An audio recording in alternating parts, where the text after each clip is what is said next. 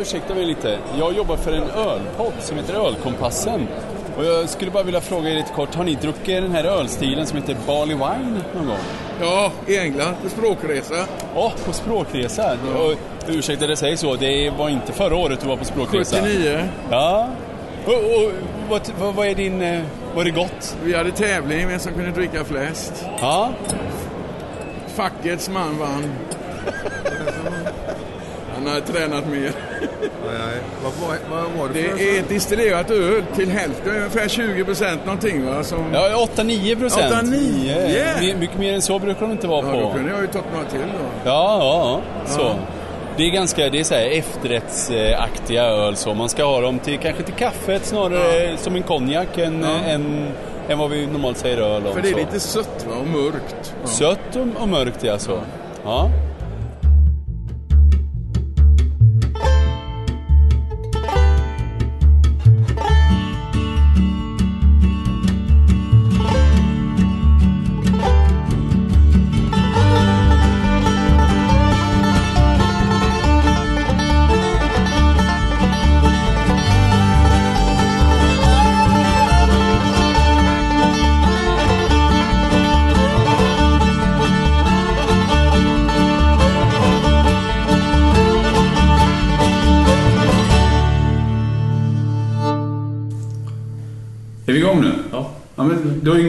Lampa, Erik. Nej, jag vet. Får skaffa en sån. Det sa du ju sist också. Och vad är det nu? Är det ett halvår sedan eller någonting? Nej, vi spelar in avsnitt väldigt tätt och frekvent så det kan inte vara ett halvår sedan. Ja. ja jag, jag vet inte ens. Vad är vi på för avsnitt? Är det avsnitt sju? Avsnitt sju. Sex. det, senaste, skulle jag säga. Ja, precis. Avsnitt senast. Eh, och vad ska det handla om idag då? Barley wine! Way! Det här, här skulle jag vilja säga, det är själva syftet med Ölpodden. Att vi ska sitta här och testa Barley Wines. kommer vi Slödderpodden. Slödderpodden, ja. Vi, vi ignorerar det här faktumet att det är ett halvår sedan sist och bara konstaterar att vi är jäkligt glada över att vara igång. Och så... Ja, som sagt var, Barley Wine. Jag, jag tog med vad jag hade i källaren. Så vi är inte mer fokuserade än så. Och jag tänkte väl, vi får väl se om vi tar allting. Old Foghorn, har du druckit det förut? Ja. Ja, sån är eh, Baronen från Hantverksbryggeriet. Ja. Nej, har inte druckit. Den har du inte druckit? Thomas Hardys Ale. Ja, en gång tidigare. En gång tidigare. Eh, Sankt Eriks eh, God Jul Barley Wine. Ja. Har faktiskt en sån stående i kylskåpet hemma. Också. Eh, North Coast eh, Old Stock Ale. Mm. Den lagrar jag ett par stycken årgångar hemma. Den gillar jag. Eh, Flying Dog. Eh, Horn Dog Barley Wine Style Ale. Den är också väldigt god. Skit, skit har jag ingenting åt där. Hibernation Ale. Den gillar jag. Den gillar du. Du har druckit den innan alltså. Ja. Erik, har du druckit den? Nej. Ja. Ingen, inte av någon av dem. En sidnot. Jag var faktiskt i eh, Danmark på Great Divine som gör den. När Ja. de höll på och bryggde den. Okej. Och så, de beskrev det som It's a bitch. Den är tydligen riktigt, riktigt jobbig brygga med ja, hela processen tydligen. Ja. Så det, Jag fattar det så att det är ganska tråkigt. ja, det, det är väl väldigt... Alltså det är ju hög, hög sötma i den och det ställer säkert till bara problem där. Och, Skapa den, ja. Skapa, få ut den malten och... Sverige var väl enda landet, eller då i alla fall, det är ju några år sedan, eh, som de exporterade ja, Dan eller öl överhuvudtaget till. Särskilt Dan öl. Hibernation var nog bara Sverige utanför... Okej, Europa. ja just det. Ja. Vi, vi fortsätter. Mohawk, American Barley Wine. Mm. Det är väl den senare varianten va? Go big or go home, jänkar. Jag tror den, han, han gjorde ju om sin om jag minns rätt nu. Ja, då är det här någon senare. Den är relativt nyligen i alla fall. Mm. Den har inte stått evigheter i källaren. Jag måste ju ha något du inte har eh, gett på.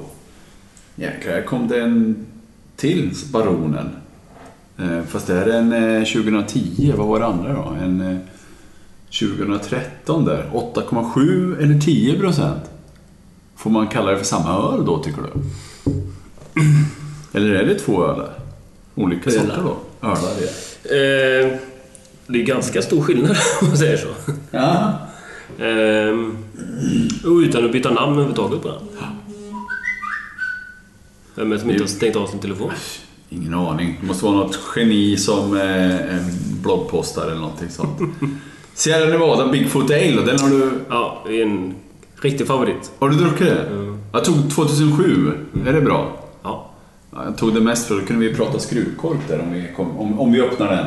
Som sagt det börjar bli lite tungt här nu så. Hittills har du druckit allt va? Eh, Jag tog med Fullers Vintage Ale för att jag tycker att den är så jäkla god och mm. tänkte vi kunde diskutera liksom skillnaden av en Old Ale, Strong Ale, eh, Barley Wine och allt sånt där.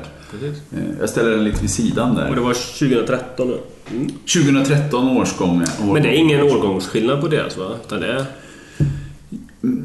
Om jag har förstått rätt så ska det inte vara någon skillnad på dem så receptmässigt. Men sen, återigen om jag har förstått rätt, det, det görs ju ingen liksom testbrygd utav hur funkar årets eh, skörd och Nej, sånt. nej. heller. Men det utgår från samma Recept grund. så. Ja.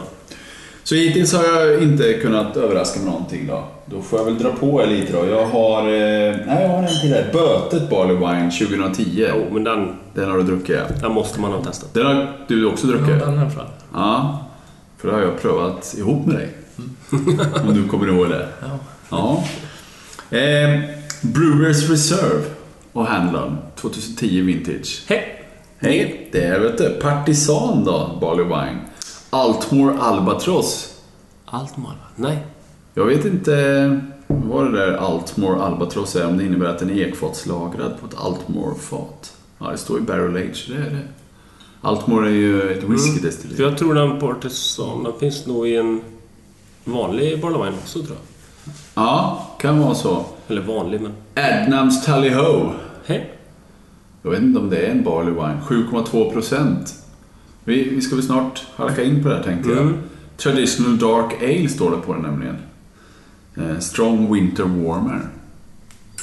Mm. Det är mycket gränslandet. Sen har jag två som jag är ganska säker på att du inte har smakat. Tre till och med. Vi, eh, ja, jo, du har ju smakat förresten på. Det är Barley Wine från eh, Lidköping, hembryggda saker. Mm.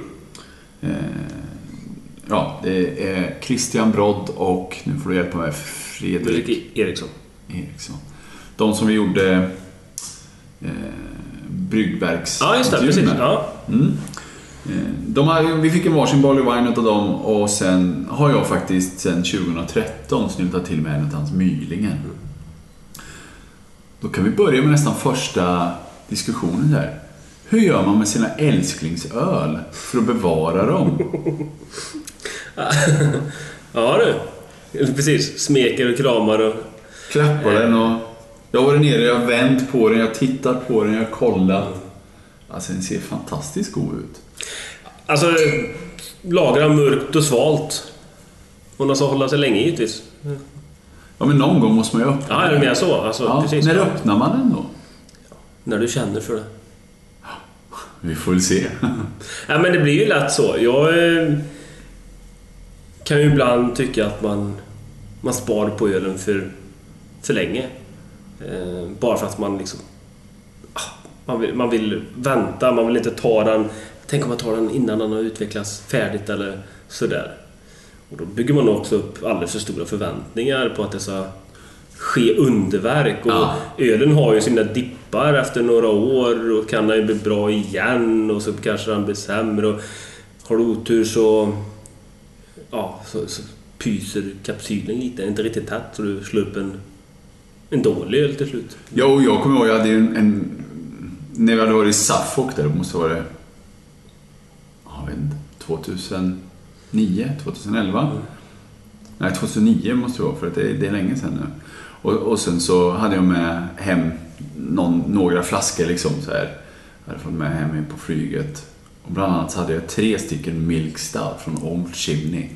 Kanon alltså. Jag hade också den här eh, eh Good King Henry och Good King Henry Reserve som är jättehög på ratebillistan och så. Men de bestämde jag tidigt, de här ska vi smaka nu. Mm. Medan de här Milk Stouten, de ska jag ha. Så den ena gick fort, den andra gick fort och sen, nej jag måste spara den, jag måste spara den och spara den. Och när jag sen väl öppnade den så, ja, var den inte god längre. Nej. Nej.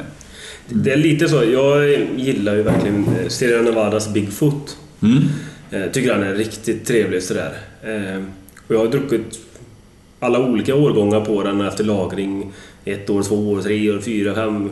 2003 Eller mm, vad blir det? 2003 var det väl som jag drack ganska nyligen. Och sådär. Men den är bäst så färsk som möjligt tycker jag nästan. Eller ja, kanske ett halvår, ett år sådär. Liksom, sådär men då tycker jag Skönan är absolut godast. Och ändå har jag 20-30 flaskor stående hemma på lagring. Och, ja. Fall du hade fel för. Ja, men lite så. Kanske, kanske blir bra till 20. Eller, de är ju bra, men jag tycker den är väldigt, väldigt bra färsk. Och så får Men då- bygger en hel del på humlen där. Ja, och humlen tog tog jag den... Ja, den, den försvinner ju med tiden.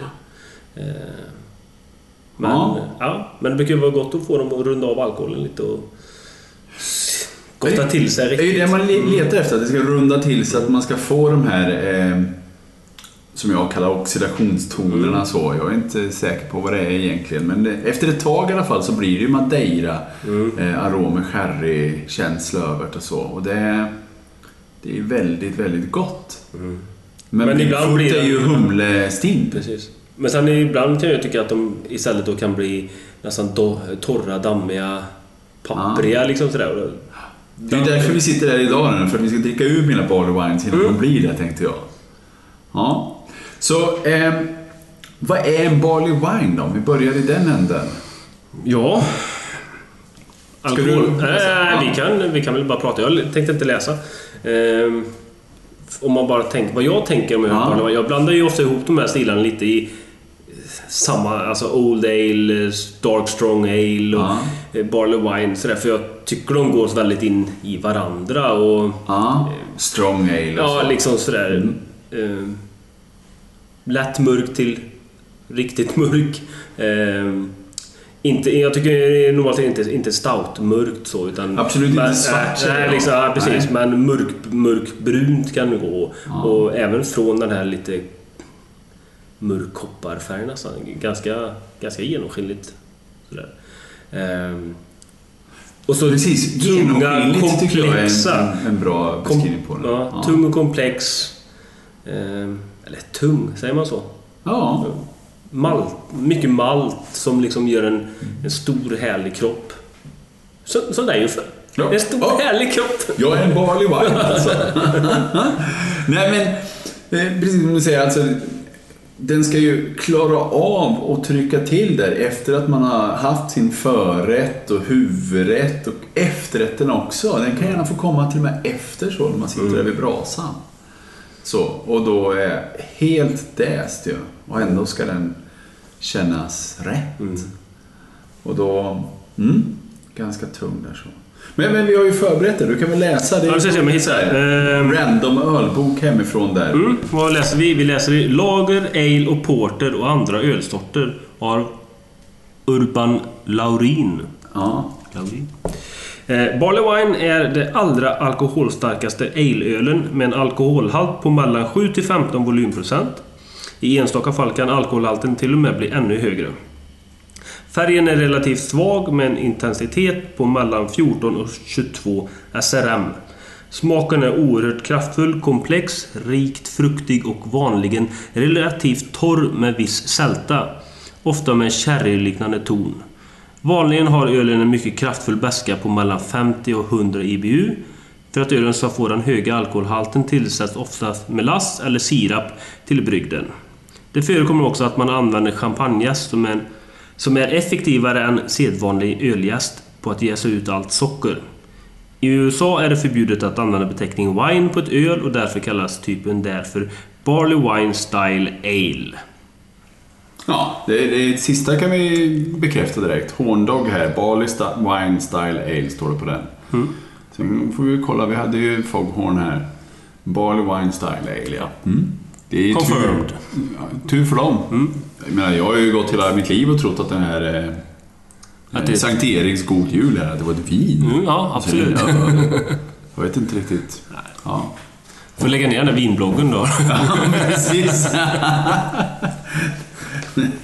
ja, eh, det var en beskrivning David. Jag, jag klämmer hit här eh, Cameras Good Beer Guide. Jag menar, de är ändå engelsmän. De måste vi kunna det här med Barley Wine. Eh, för att det är ju en engelsk ölstil från början. Barley wine dates from the 18th and 19th centuries when England was often at war with France and it was the duty of patriots, Usually from the upper class to drink ale rather than French claret. Tycker jag det är... Alltså herregud, här, ska vi, här slåss vi med fransmännen får inte dricka deras drycker. En sund inställning. Ja, men jag vet inte om det stämmer. det lät lite Ja. påhittat eller? Det känns lite påhittat så. eh, Efterkonstruerat så. Jag vet ju att det finns en hel del frågetecken runt Barley Wine så att det är en ganska sen påkommen grej så att dra till med då. Ehm, enligt den här i alla fall, vi pratade ju där om eh, Vintage Ale förut, alltså är Fuller Vintage Ale eh, bottle condition version of Golden Pride där då. Så att eh, det skulle vara eh, en, en, en barley wine så som de lägger upp här. Man ska förvänta sig massiv sötma, maltsötma och eh, frukt. Massvis med frukt så. Och lite choklad och kaffe. Sa de massivt Massiv frukt så. med, med s- du sa sötma? Och sötma ja. Mm. Det är roligt för här så den var relativt torr. Ja, det är spännande. Vad säger du? Jag vill ju ha det här tunga, söta... Alltså, jag vill ju ha sötma i det. Ja, det ska ju inte vara torrt, det tror jag Nej. inte. Mm. Hop rates are generous and produce bitterness and peppery, grassy floral notes. Men det behövs ju för att det är så mycket och malt och alkohol. Så Sötma, att du så, måste ju ha mycket humle i för att det ska märkas. Men det är ju inte liksom... Generellt sett är det ingen humlebomb. Nej, och grassy Och floral notes är ju ingenting som jag... Nej, ja, det är. Bigfoot. Ja, ja. Men det är amerikanskt. Precis, och då är vi där på engelsk barley wine eller amerikansk barley wine. Jag, jag tycker vi gör så här att vi öppnar en som är varken eller, eller både och, eller hur man ser på det. Tror jag. Jag har aldrig druckit Old Foghorn, till skillnad mot dig. Men jag tror att det är en engelsk stil på den. Ja, den är, jag hade förväntat mig när jag drack den att det skulle vara mer amerikansk stil på den. Och blev kanske lite besviken då. Eh, Men det ska bli kul att testa den igen. Eh, Det var inte så mycket fys i den. Nej.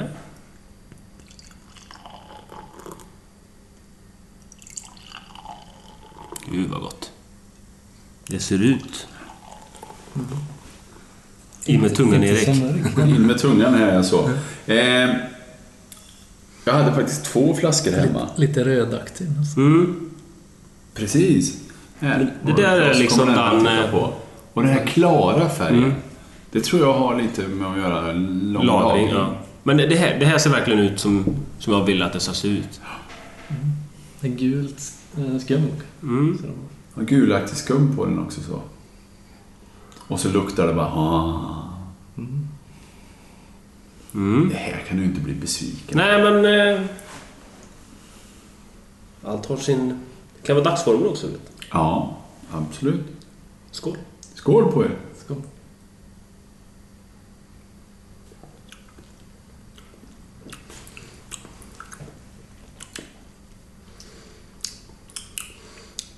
Vad... Ja, då var vi klara med den här Ja, podden då. Jag Vi hörs vi nästa behöver gång. ha så mycket mer. Nej. Gisses vad gott.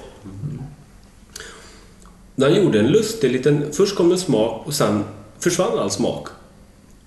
Innan eftersmaken kom. Ja. Den är riktigt god. Precis när man sväljer så är det precis som att...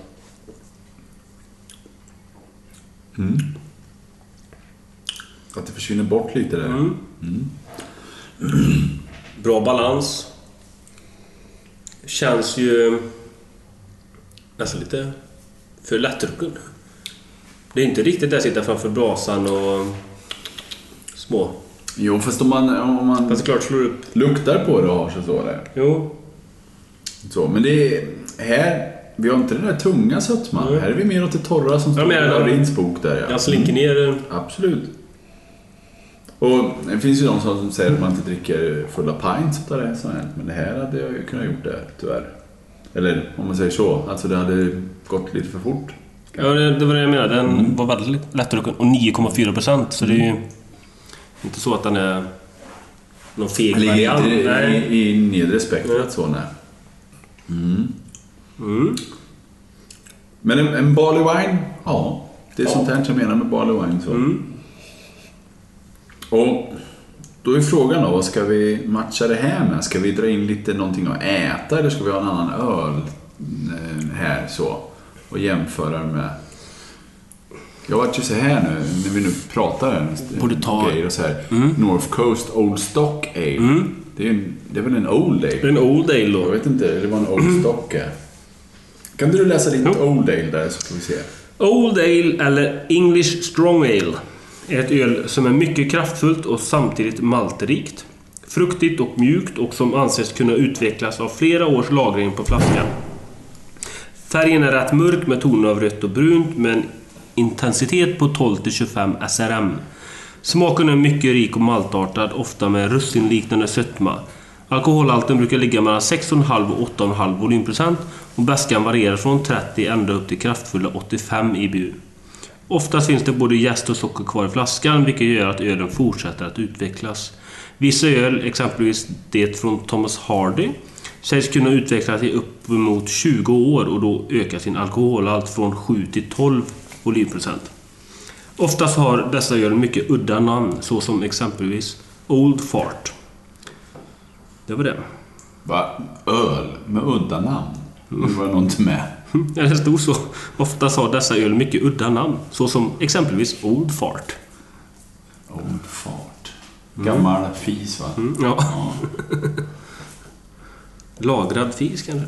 Lagrad Eh, fis. men eh, de går ju lite in i varandra i beskrivningarna, förutom att de poängterar mer maltighet. Att det skulle vara maltigare då. Maltigare öl här är alltså. Och, och sen så... eh, Ja. Vad skulle det landa på för alkohol? Ja, det var lite lägre i registret där, men de går ju ändå. Så det tycker jag... Är, Barley Wine är 7 till 15 och Old Ale var 8,5, nej 6,5 till 8,5. Då tycker jag vi tar den här Old Stock Ale. För den är ju bara på 11,9. Ja, precis. Ja. Så den kan ju inte vara en Nej. Eh, strong ale. vi, vi tar och, och korkar upp den och så kanske vi ska ta reda på vad, vad andra tycker att Old Stock Ale är. Liksom, det är kul. Vi kan ju kolla upp på Ratebill eller något sånt. Ja, alltså vi, vi öppnar den här och så... Har du, har du kollat? Old Ale.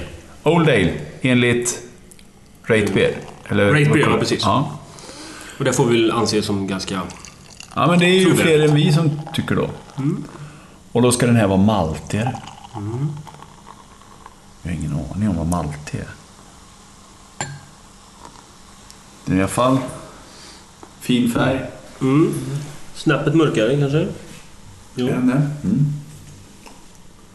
2013 års modell, eller vad säger. Årgång. Ja, för, för det såg vi ju att det är lite olika alkoholhalt på dem där. Och då, jag har ju min teori där klar. Du undrar om man inte justerar dem. Så det det har väl inte att göra med hur mycket det jäser ut, tror jag. Lite annan lukt tror jag. Det är, en- eh, ja, nu är frågan om man kan identifiera den här. Det är mindre humle. Jag kände inte ens humlearomen förut Nej, jag i, i Hogsfogon. Foghorn luktade sötare. Tyckte jag. Om man nu kan lukta sötare egentligen. Ja, men det kan det. Ja. Det luktar ju sötma så här. Ja.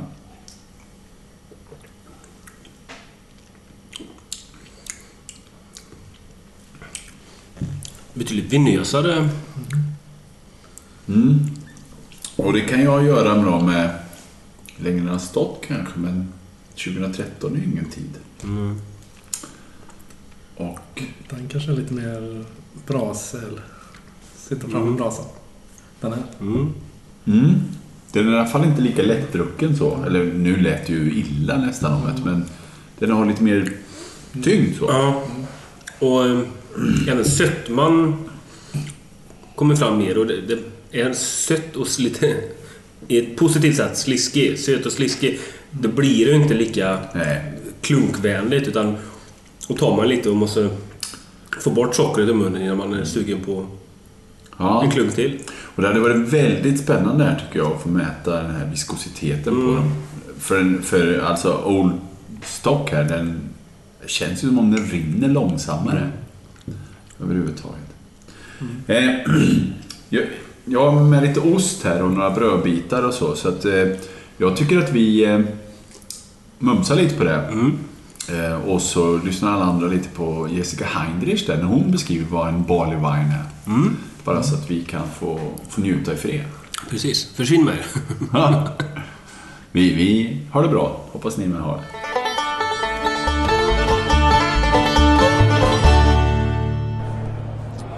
Ja, då sitter vi här alltså på Göteborgsmässan med Jessica Heinrich. Välkommen! Tackar, tackar. Eh, du kan väl börja med att presentera lite kort vad du har gjort för Öl-Sverige?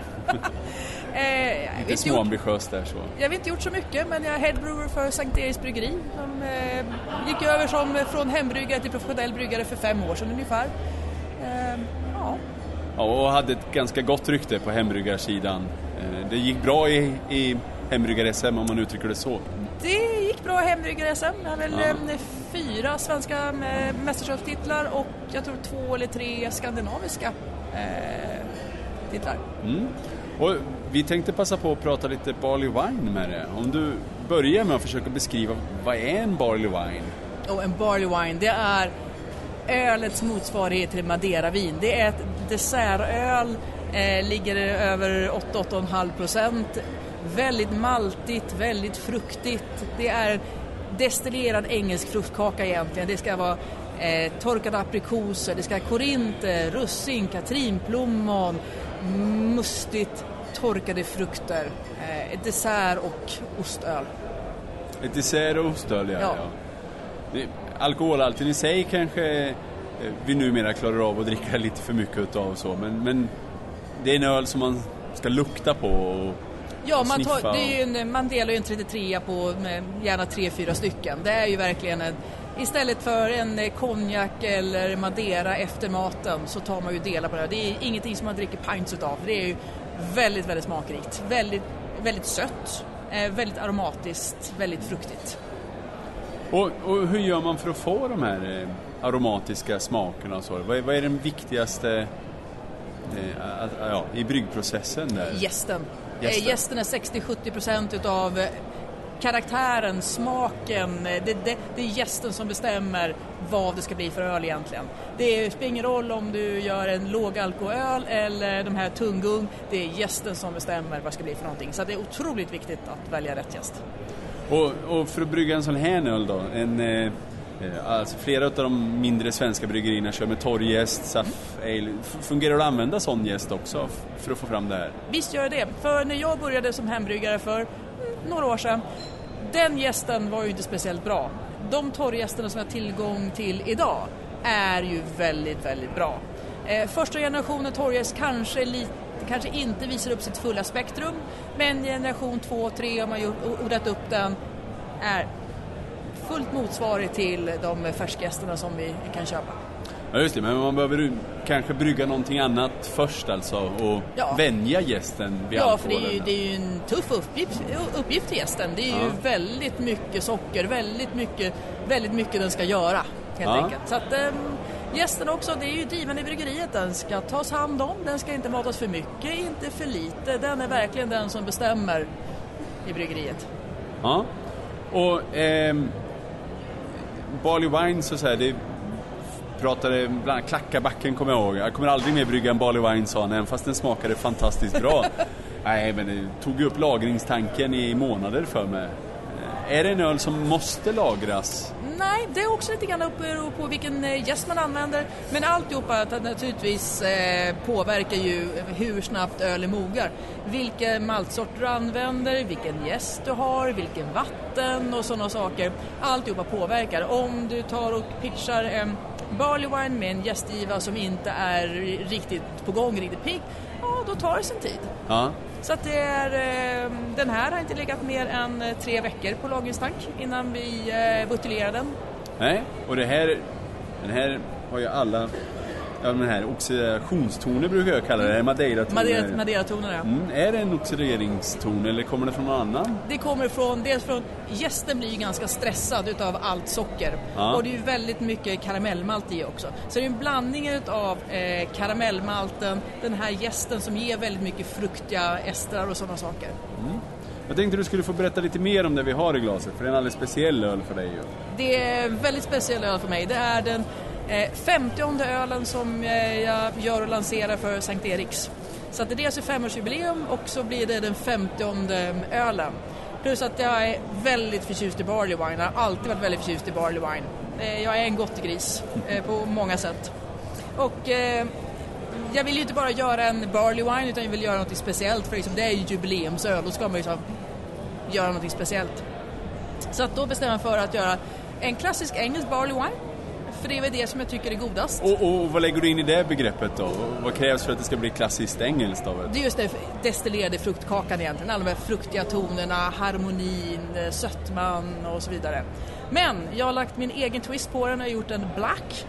Med samma idé som en black barley wine som är vi, våra bryggare, vår motsvarighet till kockarnas molekylära gastronomi egentligen. Det ska vara ett mindfuck. Det är, den ska se svart ut, den ska vara färgad med färgmalt, med rostat korn. Men så skickligt använt så att man bara får färgen, inte rostade aromer och smaker. Ja, och den är ju nästan Nästan Imperial Stout-färgad. så. Det, det, är någon, det är någon djup, djup härlig röd färg så. Så att det eh, ska se ut som en barley wine när jag häller upp den och har lite mer i glaset som, eh, som jag har. Så, så blir det ju svart utav Så blir det svart, ser ut som en Imperial Stout. Men doften, aromen, smakerna är definitivt en klassisk engelsk barley wine. Och fruktkaka. Ja, ultimate mindfuck. Det här, tänk dig det här med lite en eh, vaniljpanna cotta på en liten hallonspegel, eller några sötare desserter. Mm, fantastiskt. Eller lite, om du är mer inne på ostsidan, lite comté, lite gruyère, lite eh, ost från Chimay eller någonting. Perfekt. Ja, vi pratade lite ost där innan. Inte allt för syrlig ost eh, så. Mm. Nej. Utan Mera hårdostar, lite mer Ja. nötiga karaktärer. jag, jag kan tänka mig någon sån här holländsk lagrad sak också. Någon där till. Ah, Det skulle ja. kunna smaka Mm, gott. Absolut. Bra! Eh, ja, det var trevligt att prata med dig. Vi får väl uppmana Sveriges bryggare att brygga mer barley wine helt enkelt. Absolut.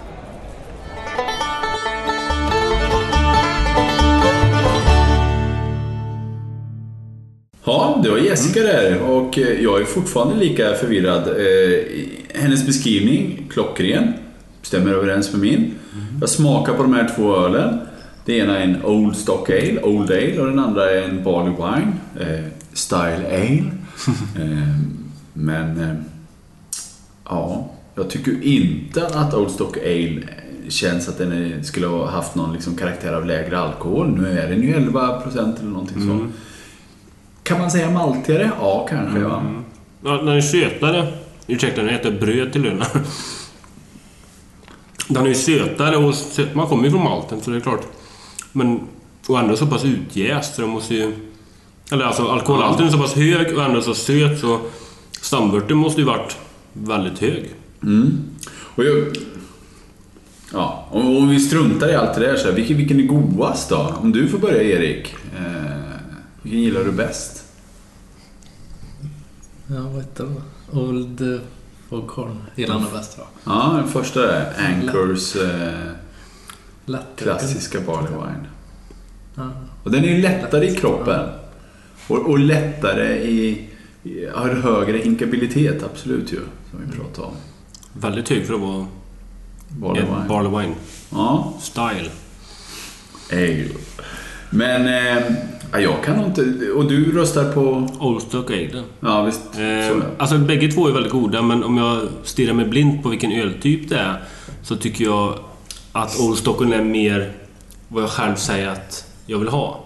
Jag vill ha det här mer maltiga, söta som du sitter och dricker under en lång stund. Foghornen är lite för lättdrucken. Den, den skulle jag dricka upp för fort framför brasan. där. Men jag kom på en, en liten, liten detalj. Så. Alltså båda två är ju väldigt mycket smakrikedom och framförallt aromrikedom. Det, det går ju... Man, man kan ju sitta här och bara lukta och lukta och leta smaker och aromer och så. Alltså man behöver faktiskt inte dricka de här ölen ens. Man kan njuta av dem ändå. Eh, Nu kan du lukta på vad ska jag dricka? Ja, precis. Är det glutivvarning där? Ja, jag öppnar. Det har faktiskt hänt hemma. Att jag har öppnat, bara luktat och sen korkat igen. För att det funkar tycker jag med de här till dagen efter eller så. Det var någon gång när jag behövde åka bil hux flux när jag hade börjat lukta på det. Då luktade jag resten av kvällen också så korkat. Ja, sidospår. Men, men det, det jag kom på är så här, i alla de här aromerna så, så Old Foghorn så tycker jag att allting stämmer. Medan jag kanske tycker att Old Stock Ale där är något härligare aromen. Men det finns några aromer där som, som inte är så perfekta liksom. Harmoniserar. Foghornen var ju väldigt välbalanserad på allting. Däremot kan jag tycka att den doftade lite mer än vad den levererade. För Ja, doften absolut. var oerhört fin. Men sen... Smaken är lite mindre. Ja. Det, för det är inte tillräckligt mycket smak för, för mig tycker jag. Och sen gick vi på med lite ostar och så här. Mm. eh, Lagrad cheddar och, och vintage-lagrad cheddar. Eh, Ja, jag testade inte korven till det direkt. Ja, men den, jag säger att korven och Old Stock Ale var den som jag Mm. tyckte var bästa korv. Eh, korv bästa kombon. Och det, och det är så jag tänker att, jag menar den här eh, Old Foghorn här, den... Den har inte det här trycket riktigt. Jag menar, det var ju ganska mycket smak på korven. Mm. Ja, det var de två i alla fall. Ehm, lite jämnt skägg hittills. Jag bestämde mig inte och ni röstade på varsin där. Ska vi rulla vidare lite då? Har du något, vad ska vi ta nu? Ska vi eh, gå in lite på den svenska marknaden? Ja, det är väl trevligt. Det, det duggar ju inte tätt med Barley Wine från svenska bryggerier. Nej? Ehm, och du hade ju med två stycken va? Ja, det beror ju på hur vi ser på att vi... De här Lidköpingsbryggarna Ja, jo, har men- varsin där också så. Och sen har vi faktiskt Hantverksbryggeriet och Mohawk. Och så... Ja, Hantverksbryggeriet hade vi också. Just, Mm. just det. Men det kan vi Eh, spara tänkte jag lite där. Men vi har ju Mohawk med amerikansk inriktning och så har vi ju Bötet med engelsk inriktning. Ja, och bötet tycker jag är trevligt att vi tar utav två anledningar. Dels att den är väldigt god. Jaha, och jag brukar liksom så här säga att det här är Sveriges bästa barley wine. Mm. Och då kan vi ju titta om den matchar upp mot två riktigt bra amerikanska barley wines vi har druckit Mm. här. Och ehm, dessutom så har vi en intervju där med eh, Pelle Hedlund Mm. På eh, på, på Nynäshamn. Nynäshamn heter de. Ja, Mm. och då pratar han dels lite om, eh, eh, om, om hur man ska dricka en barley wine, om man kan köra till den och så. Nej, du får inte köra när du har... Nej, eh, hur man ska dricka den och vad man ska äta till den, man kan kombinera det med. Eh, men också eh, kommer han in där på skillnaden mellan amerikansk och engelsk.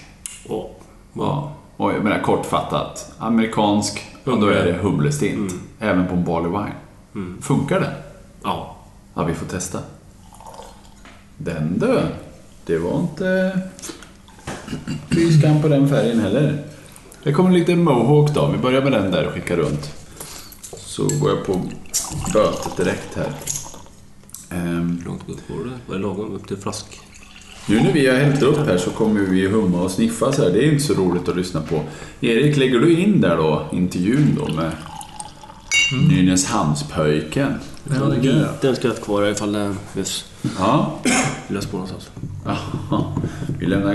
Ja, Okej, nu förstår jag varför det är så mycket kvar av bötet. Ni har inte fått av den.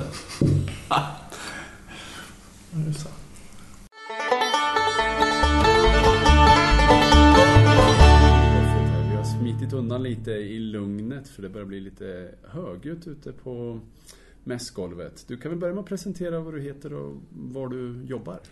Jag heter Pelle Hedlund och jobbar på Nynäshamns ångbryggeri. Ja, och eh, det här... är- Vi, vi samlar ju material för en podcast eh, som ska handla om Barley Wines här. Och eh, jag brukar säga att det är väldigt viktigt att man blindtestar saker och så här. Men om jag inte blindtestar så utnämner jag lätt bötet Barley Wine till, ja om inte Sveriges, jo jag säger Sveriges bästa Barley Wine. Ja, det visar ju att du har bra smak. Ja. Men jag tänkte prata med dig om, eh, hur tycker du att man ska avnjuta Barley Wine? Eh, Så. Eh, Ja, jag tycker att Barley Wine är en perfekt avslutning på en middag. Efteråt, till exempel till en ostbricka. En salt ost, pecorino eller parmesan eller någonting som har lite kraftig salt och lite karaktär. Då funkar den där väldigt bra ihop med den sötman som finns i Barley Winen. Mm. Mycket gott. Och, så. Och, och hur mycket Eh, eller vad ska man ha? Temperatur till exempel och så då? Ska den vara Ja, eh, välkyld fortfarande? ja inte välkyld. Källarsval är väl en ganska bra benämning kan jag tycka. På 10-12 grader är väl lagom. Och då får man fram bästa aromerna tycker jag. Ja. Så den är inte rumsvarm och inte för kylskåpskall, det tycker jag inte. Utan det är där mitt emellan om man säger. Lite lagom, 10-12 grader. Det ja. tycker jag är fint. Och jag ser ju framför mig där också hur man har ja, nästan som en konjakskupa. Ja, absolut. En konjakskupa med smalare öppning till, uppe till så att man får fram aromerna och, och så samlas i glaset så man kan dofta ordentligt. Jag tycker det. Det så Ja. ska det vara. Och, och som bryggeri där då, så här, jag, jag brukar ju säga att det, man behöver inte... Alltså det finns ju folk som reagerar över att de kostar lite. Mm. Jag, jag kommer inte ihåg vad, vad eran kostar så, men jag brukar säga att det är ganska billigt per person räknat. För man kan vara både två och tre och kanske fyra och dela på det. Ja, det är ju det som är lite trevliga i det där. Även fast flaskan är på 25 centiliter så brukar man ju... Jag brukar dela den på två. Kanske Ja. tre också så man får ett litet bra glas barley wine. Så att det är, det är klart det kostar en del men som sagt var på två, Ja, för ni har tagit det ett steg ännu längre och gått ner till 25 centiliters flaska. Ja, vi tappar dem där på 25 centiliter.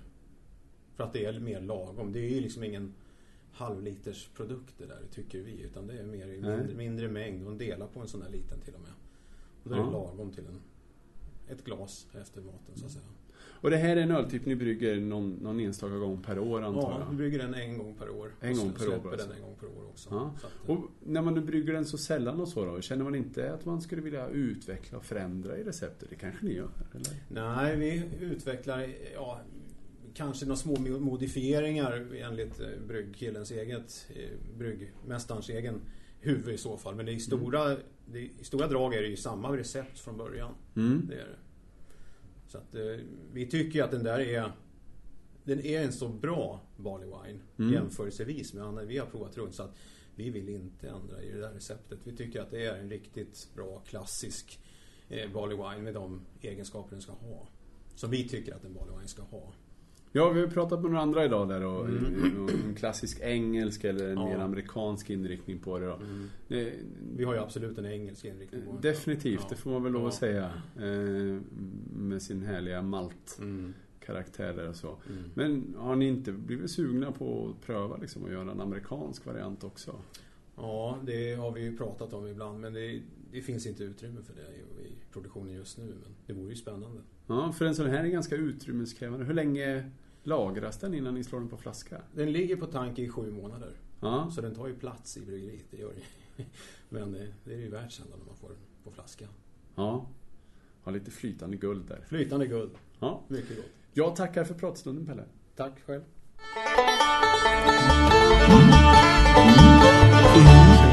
Skulle du säga något nu eller? Vi öppnade en flaska Bötet. Och då kom direkt vår kompis Kolbas springande. Du kände på lukten eller hur var det? Ja, precis. Så. Ja, så nu är vi fyra här. Och det är ju ganska bra när man dricker Barley Wines. För eh, en 33 räcker ju gott till fyra. Absolut. Och eh, då slipper Och vi hälla ut 15.33 räcker då till... till, vänta nu, 60 personer. Men vänta här nu, då får ju bara vi ta en flaska. Mm, ja, så 15 flaskor räcker fortfarande till fyra personer. Lurar du mig där? Det får man inte göra. Nu eh, var det ju inte det vi skulle prata om, utan Erik. Eh, var det någon skillnad på de här två? Stilmässigt så? Ja, det var. Rätt mycket. Och hur skulle du beskriva skillnaden? Ja, lite sötare kanske. Tyckte nog bötet var lite bättre. Ja. Nu känner man verkligen humledoften är god och... Ja, jag, jag satt ju här när vi småpratade emellan och, och beklagade mig att jag tycker inte, om man nu ska skriva American Barley Wine på den, ska man inte ha mer humletouch på det så? Det är ju inte så att det inte finns, absolut inte. Utan, Mm. Det här var ju liksom lite vad vi var ute efter. Det lyckades ganska bra. Ehm, att... Här är en supertydlig skillnad på engelsk barley wine och amerikansk barley wine. Då har ju verkligen den humliga, lite spretare, aggressivare barley winet, som jag skulle beskriva det. jag tycker jag är en bra beskrivning på aggressivare så. Medan eh, bötet är den här lena, fila, fina smekningen. Om vi blir poetiska. Ehm, ja, men bra balans, lätt, härlig, lätt som en sämre Barley Wine. Ehm, jävligt trevlig. Ja, det här är väl typ John Travolta och läderjacka och, och, och sån här klet i håret och så. Men det här är någon eh, stillsam engelsk gentleman som... Eh, Sa du precis att bötet var en föredetting? det var Mohawk Barley Wine. Alltså var det han som var slirig? Jämförde med John Travolta. Alltså, undrar innan. Och det, men det, det var väl inte själva grejen utan... Ja, du sa John Travolta. ja, Ja, det är mer läderjacka, klet i håret, aggressiv så. Eh, jag la inte in eh, tidsperspektiv. och sjunger falsett. Ja, just det. Mm. Men andra tidsperspektivet är ännu äldre får man säga. Då, då talar vi en engelsk gentleman, tweed, Ja. eh, kavaj. Han puntar sig fram där på båten på floden Cam där i Cambridge. Du skulle börjat med den. ja, men eh, precis. Tweed. Tweed och läderjacka. sobert och elegant. Ja. Och det andra är... Rufft och tufft. Ja. Är det sämre med rufft och tufft? Eh, annorlunda tycker jag man får säga. För att eh, det är goda öl båda två. Jag tycker att de här två visar att Sverige, svenska bryggerier kan brygga eh, Barley Wines. Absolut. Och jag är tudelad där. Jag, eh, jag gillar verkligen båda stilarna. Men det är två helt olika öl egentligen. Ja, jag tog lätt att välja vilken, vilken öl som är godast här nu. Och det är bötet. Jo. Så jag, jag vidhåller det. Sveriges godaste. Jag håller nog med. Men jag tycker ändå det här är... Mohawk gör den här bra. Ja. Det, det håller jag med om. Vad säger du? Ja? Mm. Jag skulle väl säga att som han brukar göra så pumpar han sina öl fulla med C-humlen. Jag skulle gissa att han har gjort det den här också. Eller det känns så på Mm. doft. Men eh, fick jag välja så skulle jag ju föredra, eller så säger jag ju bötet. Absolut. Mm. Jag föredrar också tweeden framför skinnjackan. Ja. Så. Jag har alltid varit den lite mammaaktiga typen så. Ja, jag flugfiskar ju så att det finns ju inget Ja, precis. Svärmorstyp. Så. Precis. Ja. Mm. Erik? Mm, bötet Bötet. gillar jag bäst. Så då tycker vi böter är bäst. Frågan är ju nu då, är Mohawk en representativ American Barley Wine? Och eh, Det tycker jag. vi... Ja, du tycker det är så, men vi har ju då Horn Dog här eh, från Flying Dog. Jag, jag skulle gärna vilja dra in Hibernation också. Men jag ser inte det här som ett... Barley Wine. Jag skulle aldrig kategorisera den som en Barley Wine. Nej. Är det bara jag som har fått för mig att den är en Barley Wine? English Style Old Ale står det på den. Och Precis. Jag har alltid tycker- sett den mer som en Winter Warmer, julöls... Eh, det, I USA är den väl inte julöl egentligen, den är väl säsongsöl. Var det inte du som jag. berättade om när de bryggde den och för hur de eh, inte tyckte om den så mycket? Nej, det var jag när jag var där. Ja, vi nämnde det förut innan du var här också. ja, att Eh, de, Att den är superjobbig att brygga till. ja. Och det är förmodligen genomgående med, med Barley Wines och liknande. Eh, om inte annat det här med lagringstider och att det binder upp tankar och Ja. rätt tunga malt... Vad säger man? Det ska lakas ur malt och i stora, stora mängder. Mm, råkar ju få se ett tv-program där eh, Drakarna eller något sånt hette Mm. den svenska varianten utav ett eh, så. Men det här var en engelsk variant och då var det helt enkelt en eh, eh, ekonomiskt kunnig människa där. Eh, om han var professor och han var trevlig var han. Han pratade, han hade ett tweedkavaj. Du gillar? Jajamän, jag gillar han. Han åkte runt till eh, två företag i en speciell bransch och så var båda två företagen i kris. Eh, och sen så hjälpte han dem att komma på fötter. Eller han valde det ena företaget att satsa sina pengar på. Så var det, för han hade massa pengar. Och just det här avsnittet så var det bryggerier. Och ena bryggeriet var Handlon som bryggde Thomas Hardy. Och då så, så hade han ju frågat liksom, hur mycket pengar tjänar ni per flaska på den här ölen? Och det kunde inte bryggaren svara på det. Så, lite längre fram i programmet då, så hade han räknat ut det här, att det var en förlust för dem. Om man, I alla fall om man tog in den här, även fast den är, var mycket dyrare än alla andra ölen. Om man tog in tanken att i den här lagringstanken så hade jag kunnat bryggt eh, fyra, fem, sex gånger utan den vanliga bittern. Eh, och då få den att sälja liksom så. Så hade jag ju tjänat in de här pengarna, även fast det var en massa pengar mer där.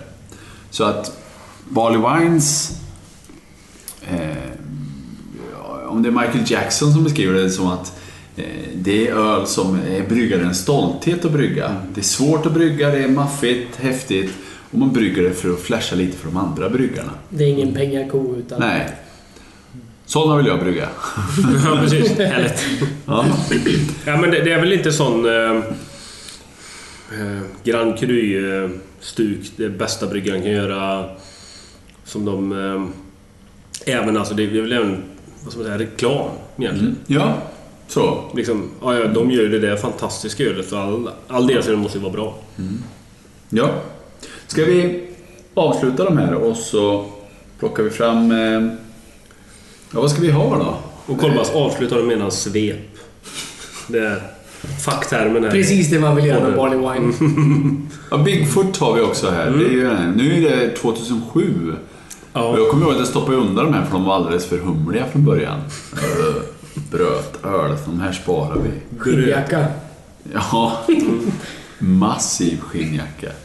Brötöl. Som om... Eh, då kan de göra en som heter eh, Bötet brötöl. Bröt- Nej. Nej. Om de gjorde en amerikansk stil med det. Mm.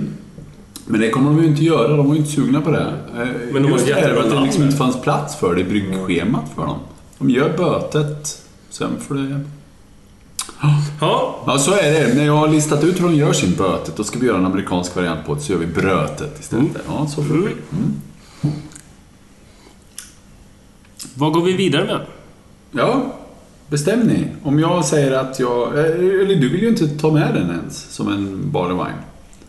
Då tar vi väl Sierra Nevadas Bigfoot, en 07 där och testar. Flying Dog är betydligt eh, fräschare. Kommer inte ihåg när den är inköpt, men eh, den gick ut 2014. ja, den står för länge i min källare, så är det. Men Flying Dog, var inte den vi köpte ihop med dig Kolbas? Jo, det stämmer. Jag har... Två år sedan? Nej, ett år sedan. Nej, det räcker inte. Jösses. Ja. Jag tror att det var 2013 vi köpte den. Då är det nog den lagringen vi har. Men den är i alla fall betydligt fräschare då än eh, Mm. detta. Mm. Så, och, och Bigfoot här, det tycker jag ju... ska man ju inte använda kapsylöppnare till. Vet du varför? Nej. Eh, vet du varför säger jag och nickar så här i, så Det är ju svårt för folk att se. Ja.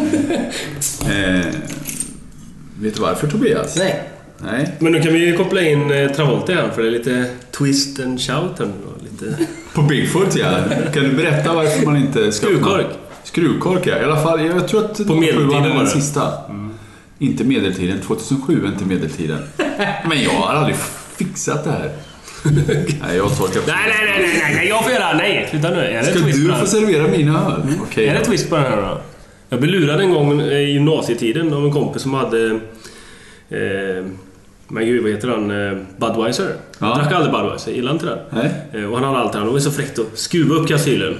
Så till slut en gång fick jag faktiskt öppna en utav honom. Ja. Och jag tog den i handen så tog i allt vad jag kunde. Hände ingenting. Jag tog ännu mer. Till slut skär jag mig i handen. Och bara, jag får erkänna, jag är så klen så jag. Jag kan inte öppna den. Då tar han fram kapsylöppnaren och så psst, De har slutat med skruv. Och jag tror att det där är skruvkork och att 07 var sista. Men, jag är inte helt säker. Så skär De har det. nog slutat med. Vi tar kapsylöppnare. Så det blir lite blodigt. Det var inte skruv på den eller? Det var Jo, det var men han satt rejält Men han här, satt ja. rejält. Eller vänta här nu. Var det klen du var? Mm. Jag, jag har inte varit på gym sedan gymnasiet heller. Här pratar vi mörka öl i alla fall i jämförelse med de föregående vi haft. Du har massa vatten kvar där. Försöker du spä ut dem? Men de är så starka de är. Mm. Nu måste jag komma ihåg här. Ja, så var det. Bigfoot till vänster. Dog till höger. Bigfoot till vänster. Sen när du sitter och säger så får jag ju byta på mina. Mm, jag gjorde- det direkt också. Fast man kan lukta på dem va? Ja, det känns direkt i... Här, här är det ju så här att Bigfooten är ju 07 då ja, och den andra utgången 2014, vad kan man gissa på då? En 12 kanske? Inte. Ja. Vad Wine måste ha varit två år i alla fall. Ja. Ja, det beror ju på hur man resonerar med humlefräschheten och ja, så. det är klart. Är det amerikanska så... Man, man kan smaka lite mer ost här nu också. Nu har vi en, en rödcheddar att testa till det hela med. Och sen är det en eh, Beaufort, en eh, alpost från Frankrike. Alpost från Frankrike. Alltså om man då de här kontra den förra som var eh, Mohawk som skulle vara amerikan. Om man då tänker doftmässigt så vet jag inte om det skiljer sig så det är jättemycket. Jag skulle säga om man jämför nu då. Nu har vi ju två amerikanska öl. Eller två amerikanska Barley Wine. Eh, varav eh, i grunden är de väl förmodligen relativt lika i tankesättet. Mycket, mycket humle och så här. Fast två helt olika öl, det är klart. Men här har vi en som är två år gammal och en som är... Hur gammal blir det? Vad, vad sa vi för årtal på Sirenavallon? Åtta år. Åtta år. Så att, vad händer med humlen? På åtta år? Nu är det en väldigt dålig jämförelse eftersom det är två olika öl, men... Lite Kass jämförelse. Ja, ja, men det är en jämförelse. Ehm, Jämför på du. Mm. Eh, och jag skulle vilja säga att Mohawk luktade mer ren humle. Eh, Här har vi, här har vi mer sötma och malt också. Absolut. Beredd att hålla med om. Men det tar... Ja. Bevisar väl bara att det tar inte så där jättelång tid för humlen att försvinna utan att det... Men jag tycker det är fortfarande ett rejält sting i humlebäskan så. Jag har inte smakat den. Men 07 har ju inte alls mycket humlarom kvar. Den har ju definitivt mattats. Jämfört med minnesbilder av Bigfoot fräsch liksom.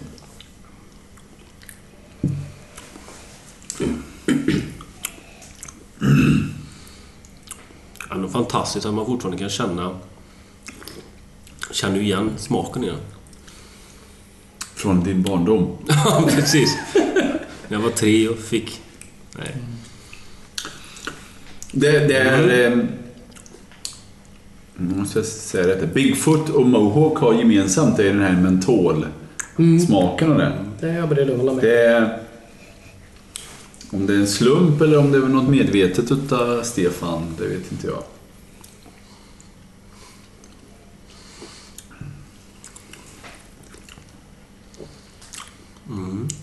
Men jag, jag vill ändå hävda att de här är mer, mer humlekaraktär på än, än Mohawk hade. I smak skulle jag I säga. smak framförallt. Ja. Absolut. Det är jag beredd att hålla med om.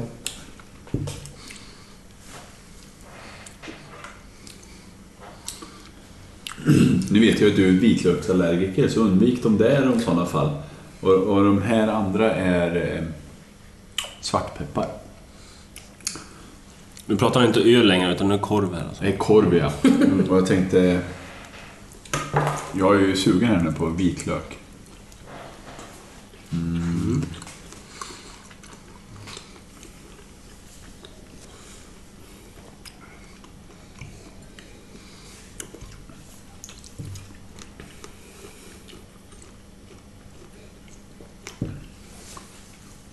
Och det var en gång en vis man som sa till mig när jag började prova öl att det finns en del öl som man bara kan sitta och dofta på. Mm. Jag nämner inga namn men Karlström heter han i fall Ja. inte. Nu pratade jag här om att jag öppnat öl som jag bara sitter och doftar på. Och jag vill nog påstå att Barley Wine är sånt som jag kan bara sitta och dofta på. Så är det. Men då får det inte lukta som de här. Det var ett tråkigt doft. Nej. Jag lagrar ju inte ett Barley Wine för att titta och... Eller amerikansk Barley Wine för att sitta och sniffa på så kanske. Nej, det är klart. Det ska jag väl hålla med om. Så, men... Eh, jag- jag kan tycka skillnaden här mellan det engelska och amerikanska när det lagras är att den amerikanska tappar ju doft. Medan nästan den engelska växer i komplexiteten i dofterna. Med vinösa madeira och... Det poppar fram mer. Den amerikanska blir egentligen tråkigare.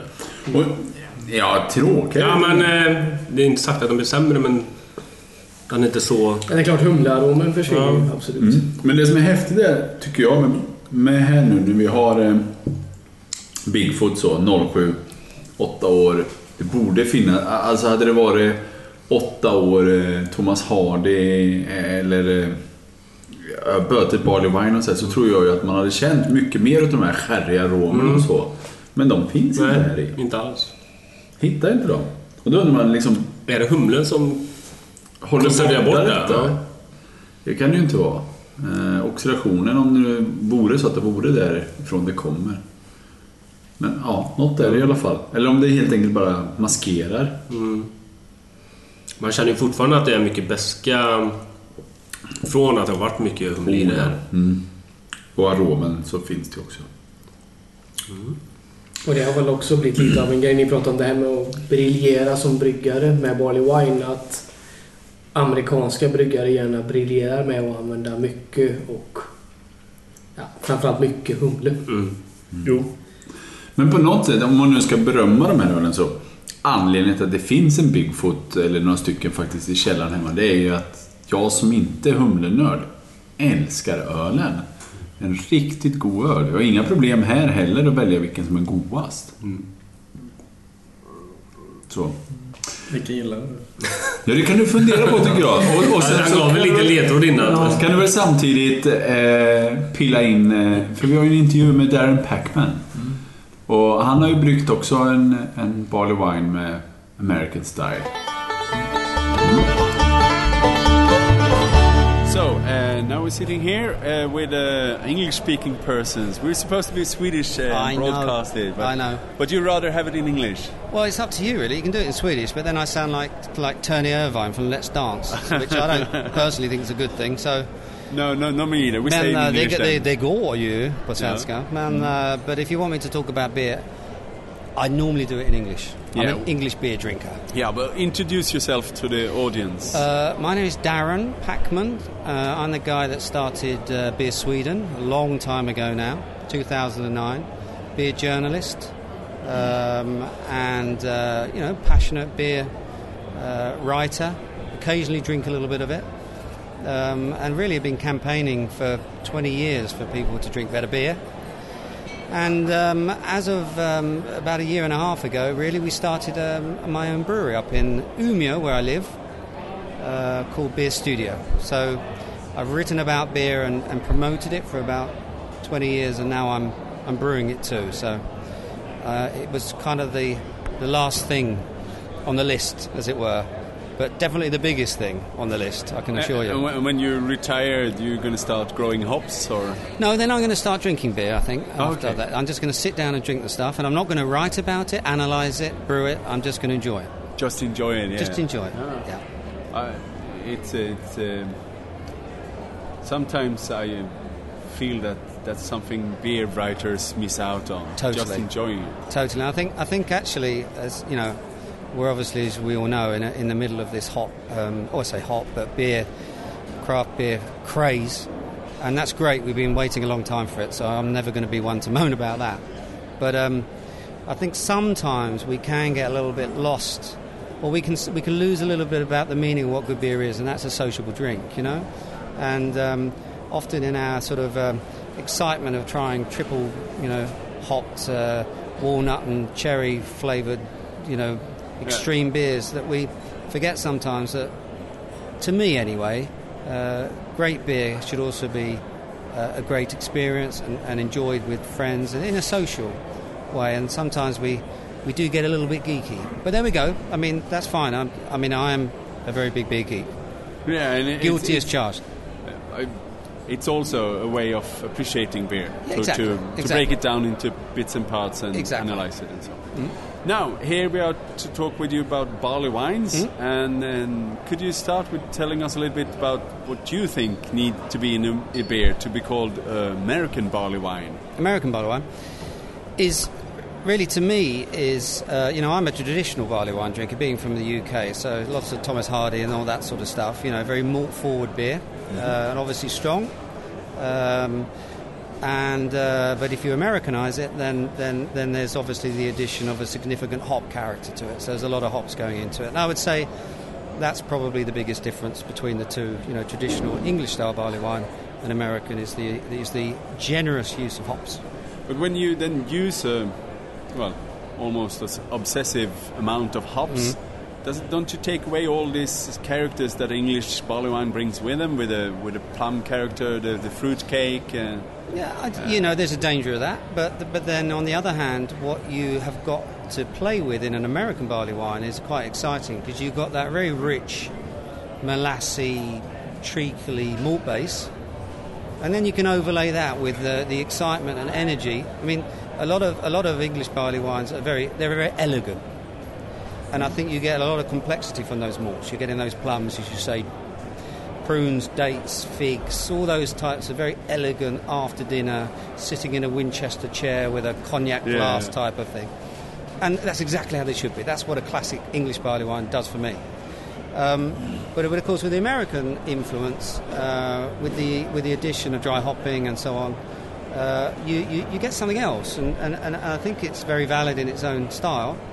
You you've got all these citrusy fruit notes that you can overlay on top of that, um, and bitterness, of course. And what's fun there is you've got a lot of interplay between the, the sweet malts and the bitter hops. And if you can get the balance right, then actually you can produce a, a, a really good beer. There is a danger of obviously as adding too much salt to the recipe, as it were. And Yeah. there's some barley wines, American barley wines, have, are just incredibly unbalanced. But um, you know that's the skill of the brewer to try and hit that sort of that, that, that, that sort of sweet spot between sweet and, and bitter.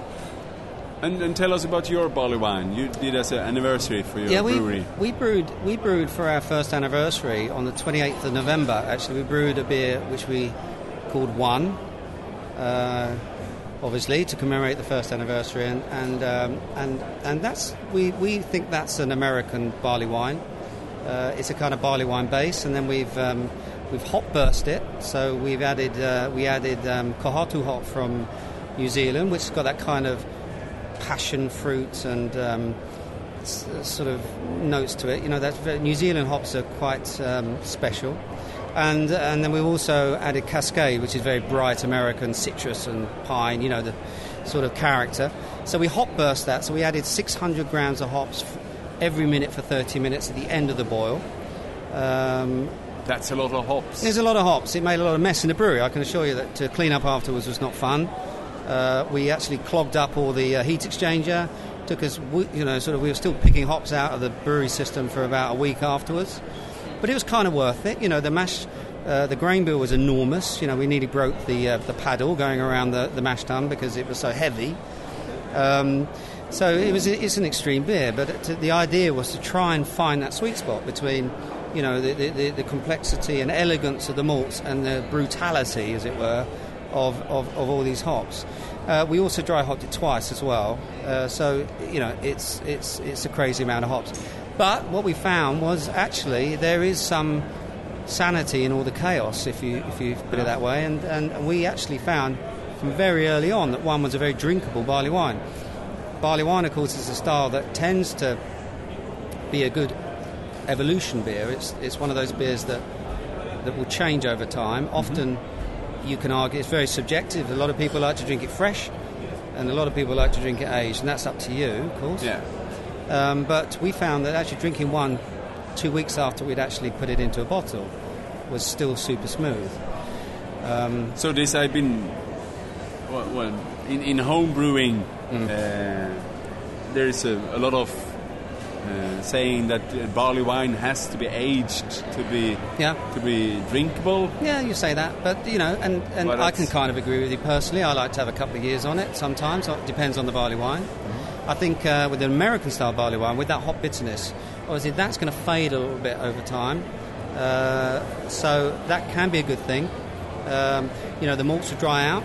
I mean, obviously our, our barley wines aren't unfiltered and unpasteurised, so it's still doing its thing in the bottle a little bit.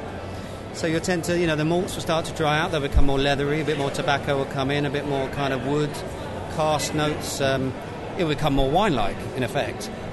And and so that you know that, that the brutality or the aggressiveness of the hops will sort of smooth out. So I would say yeah, but you know if you can drink a barley wine young and it tastes good, then you you you pretty much have got a winner, I think, because it, it, it should uh, get more interesting and more complex as it, as it, as it ages. Yeah. Thank you very much for the talking. Yeah, no problem. Ja, det var Darren Packman och du, du sitter är väldigt smånöjd. Men det är inte för vad han sa, utan vad är det som gör dig så lycklig helt enkelt Adam? Ja, vi, vi har ju lite tilltugg till Barley Wine här. Vi har lite korv, lite bröd och lite olika ostar. Jag sitter man och tar en liten bit i taget och provsmakar ihop. Men jag, som var lite briljant där, jag la givetvis en ostkub på en brödbit och käkade ostmacka istället. Det känns väldigt ölprovarkänsla. Alltså, antingen så väljer man att ha lite man har lite bötigt Barley Wine lagrad 2010 ihop med en vintage eh, quick eh, cheddar.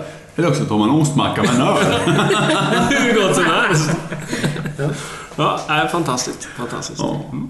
Ja, egentligen tror jag att vi, vi har väl tömt ut i Sierra Nevada och, och eh, Horndog här. Eh, ska vi köra en liten omröstning vilken vi tyckte var godast helt enkelt? Erik, du eh, funderar ju på vilken jag menade där som godast, men eh, eh, det kanske framgick för alla andra. Men om det inte gjorde det så avslöjar jag det sen. Du får börja. Vilken är godast och varför? Ja, den här, vad heter han? Iron Dog eller? det? Flying Dog. Fla- Horn Dog. Horn Dog. Horndog där från Flying Dog där. Mm. Och varför då? Den var lite mer fräschare i smaken. Liksom. Lite, no. Men de var, ju- de var rätt lika då i smaken. tycker jag. Alltså, alltså den var hyfsat. Men lite sötare kanske. Om jag blandar dina glas och så här, tror du att du känner skillnad på det? Ja. Blunda då. Det var det. Blunda nu. Nej. Ja, men- ja. Och så tänkte jag att du får ett glas utav mig där, så ska du säga vilken det är. Ska vi prova den? Mm. Ja, ta Kommer du ihåg vilken som vilken nu då? Ja, ja, Vilken är vilken? Blunda nu. Ja, får du ta. Ja, nu såg han ju. Han tittar ju. Vart ska han se? Hur mycket som det är. Och färg, det var jättestor färgskillnad på dem. Eller inte. Det är bra att jag fortfarande gömmer den andra glaset Mm. ifall han ser Det det. är viktigt. Nej, det var nog, vad heter den? Nirvana va? Ja, det vet inte vi, för vi vet inte vad du hade till vänster eller höger. Så nu vet varken du eller jag om du hade rätt. Eh, Ja, men det var nog Serenova. Det här måste vara Horn Dog. ja, det var det. Mm. Så Ja, så du vet, då vet du... även en ljudtekniker kan känna skillnad. Mm. För skillnad var det ju. Absolut. Mm, Så. Och vilken tyckte du var godast då, Tobias? Jag får nog hålla med ljudtekniker här att jag tyckte att den eh, Bigfooten lagrade behöll mer beska visserligen men jag tyckte att den blev snudd på för besk. Så jag tyckte nog att Horndoggen höll sin fräschör och, och vann på det. Mm. Och jag som älskar eh, Bigfoot och verkligen, ja det är en riktig favorit. Tycker faktiskt Flying Doggen var godare. Det är bara jag som är ståndaktig alltså, som säger att Bigfoot är godast. Ehm, alltså, det är ju ingen dålig öl någon utav dem, utan, men... ehm, sen kanske orättvist att att provsmaka en lagrad öl som lugnar ner sig så mot något som är lite fräschare. Om man är, då gillar humle, som inte Uffe gör, men... Nej, men jag tycker att det här visar att det är först och främst aromen som lugnar ner sig. För så, men i och för sig så kommer jag ihåg Bigfoot som äckligt besk i munnen. Och det här är ju inte äckligt. Nej, det är mycket absolut. Mycket Kanske beska, för mycket fortfarande. fortfarande. Absolut. Så. Men det blir dumt när det bara är den där beskan och inte humlearomen Aromen, ihop med det. Det blir lite Mm. obalans i det. Återkommer till det. Jag tycker det är så häftigt att det inte finns det här vinösa Mm. och, och liksom saknar faktiskt i American Barley Wines det här russinkaka som Jessica Heinrich på, Mm. Ja. pratade om där så. Destillatet så. Nu, du kommer lite sent Tobias, jag hällde lite Old Foghorn där som någon English style så. När vi nu nästan har kommit halvvägs igenom och så. Om ni då skulle välja mellan engelsk stil eller amerikansk stil, vilket föredrar ni då? Kan man... Till att börja med, Ja, alltså- kan man ställa frågan? Ja, det kan man. Vilket är... Ja. Eh, Och jag skulle säga så här. Man har ju en liten sån här bild i skallen hur en typisk sån öl ska vara utav varje sort. Och det som lockar mig mest då, det är engelsk. Och det är som du säger den här liksom i madeira, söt, fruktig, torr, alltså, torkad frukt. Alltså, Jag får den där bilden och det, det hittar man aldrig i amerikanska. Och jag får inte bilden i den amerikanska om man nu pratar Nej, bilder nej. av en trerättersmiddag med fantastiskt Nej, dryck till och man är helt däst och... Får man det i någon amerikansk öl? Humlefokuset är väl en generell trend skulle jag säga. Ja, ja, det, det är det ju. Det, Nu kan jag tycka i och för sig något Farmhouse Ale. Ja, jag ska kan de också dra så- sitta och smutta en suröl sådär. Det kan jag tänka mig också när man är rätt äst. Sitta små smutta på något surt. Det, Ja. det funkar för mig också. Men, men jag förstår vad du menar. Alltså, det finns ju inte riktigt det där eh, framför kaminen. Missar vi det några är ju öl mycket humlefokus Det finns mycket öl. Och så får jag så mycket mer när jag då har Old Foghorn där liksom. Så här, det, är, det är rävjakt, det är morden i Midsummer, det är liksom bara ramlar in minnesbilder och grejer på mig. Anglofil så det skriker om det. Är det någon slags tweed inblandad det? Det kommer en räv i tweed. Nu, nu tycker jag vi spårar ur här, men eftersom du, du, du nämnde anglofil där, vi kanske ska pröva lite engelska på wines. Mm. Och då är frågan vad vi ska ta. Eh, vi har Adnams Tally Ho, Mm. som jag är väldigt sugen på. Och dessutom står det Traditional Dark Ale på den. Det är ingen Barley Wine heller då. Eller, fast det är det. Men vi kan ju spela in det till ett annat avsnitt när vi gör Ja. Dark Ale-avsnittet. Sen har vi ju den här spännande grejen i och för sig. Med Thomas Hardy. Ja, just det. Den pratar om. Mm. Och Brewers Reserve från Hanlon. Om, om jag nu inte sitter där och ljuger allt för mycket så... Eh, det är samma bryggeri. Men varumärket Thomas Hardy ägdes utav amerikanare tror jag. Eh, och hade den bryggt där. Och sen så avbröt man samarbetet. Jag tror inte att det var någon misskiljaktighet eller någonting sånt utan man bara bröt det. Och då så började Hanlon brygga sin Special Reserve istället. Eh, Thomas Hardy är kopia. 11,7 och den här är 12,9 men det är liksom lite kopia-grej utav det. Eller också då så ska vi ju sparka in på ett favoritbryggeri från min sida och det är Partisan. Nu ska man ju säga att Adnams är också lite av ett favoritbryggeri. Men eh, det känns ju spontant så att man... Det där är ju lite grädde på moset med Hardy och Ja. Bruce Reserve. Och målet för mig är ju att vi ska ha druckit så mycket barley wine så vi inte vill ta dem där här så. Så jag får spara mina favoritflaskor. Och jag, gjorde, jag kan göra sån här klassisk, man hörde när man var ung, att man skulle dricka en lite grädde innan man skulle ut på fest. Nej, det hade inte du. Nej. Nej, okej. Har du hört det? Vilket då? Att man dricker en lite grädde innan man ska ut på fest? Nej, okej. Det kanske var lokalt. Ja, Erik, har du hört det? Nej. det var för att motverka att man skulle bli så berusad. Ja. Eh, Jag tänkte ju mest på smak. Nej, jag har aldrig gjort det. Jag blev för full istället. Du Daniel, det här handlar ju om smaklökarna, om att de är trötta. Ja, det var så du tänkte. Ja, precis.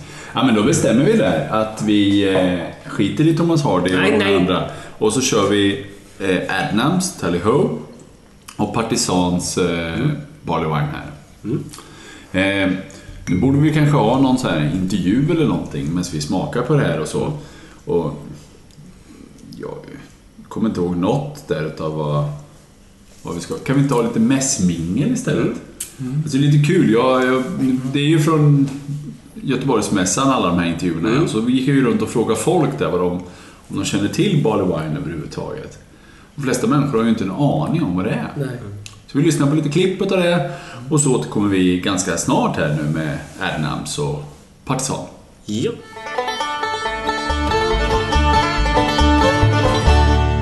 Vi håller på att göra ett reportage om Barley Wines. Vet du vad Barley Wine är för öltyp? Nej.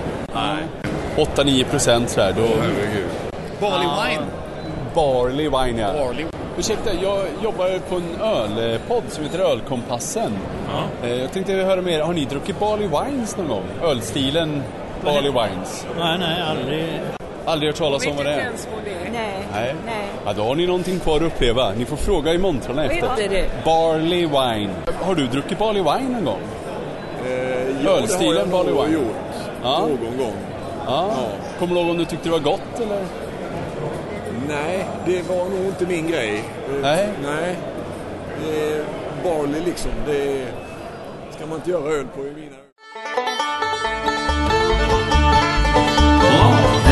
Barley Wine, det är ingen välkänd eh, ölstil direkt. Nej. Det är många som inte har provsmakat den.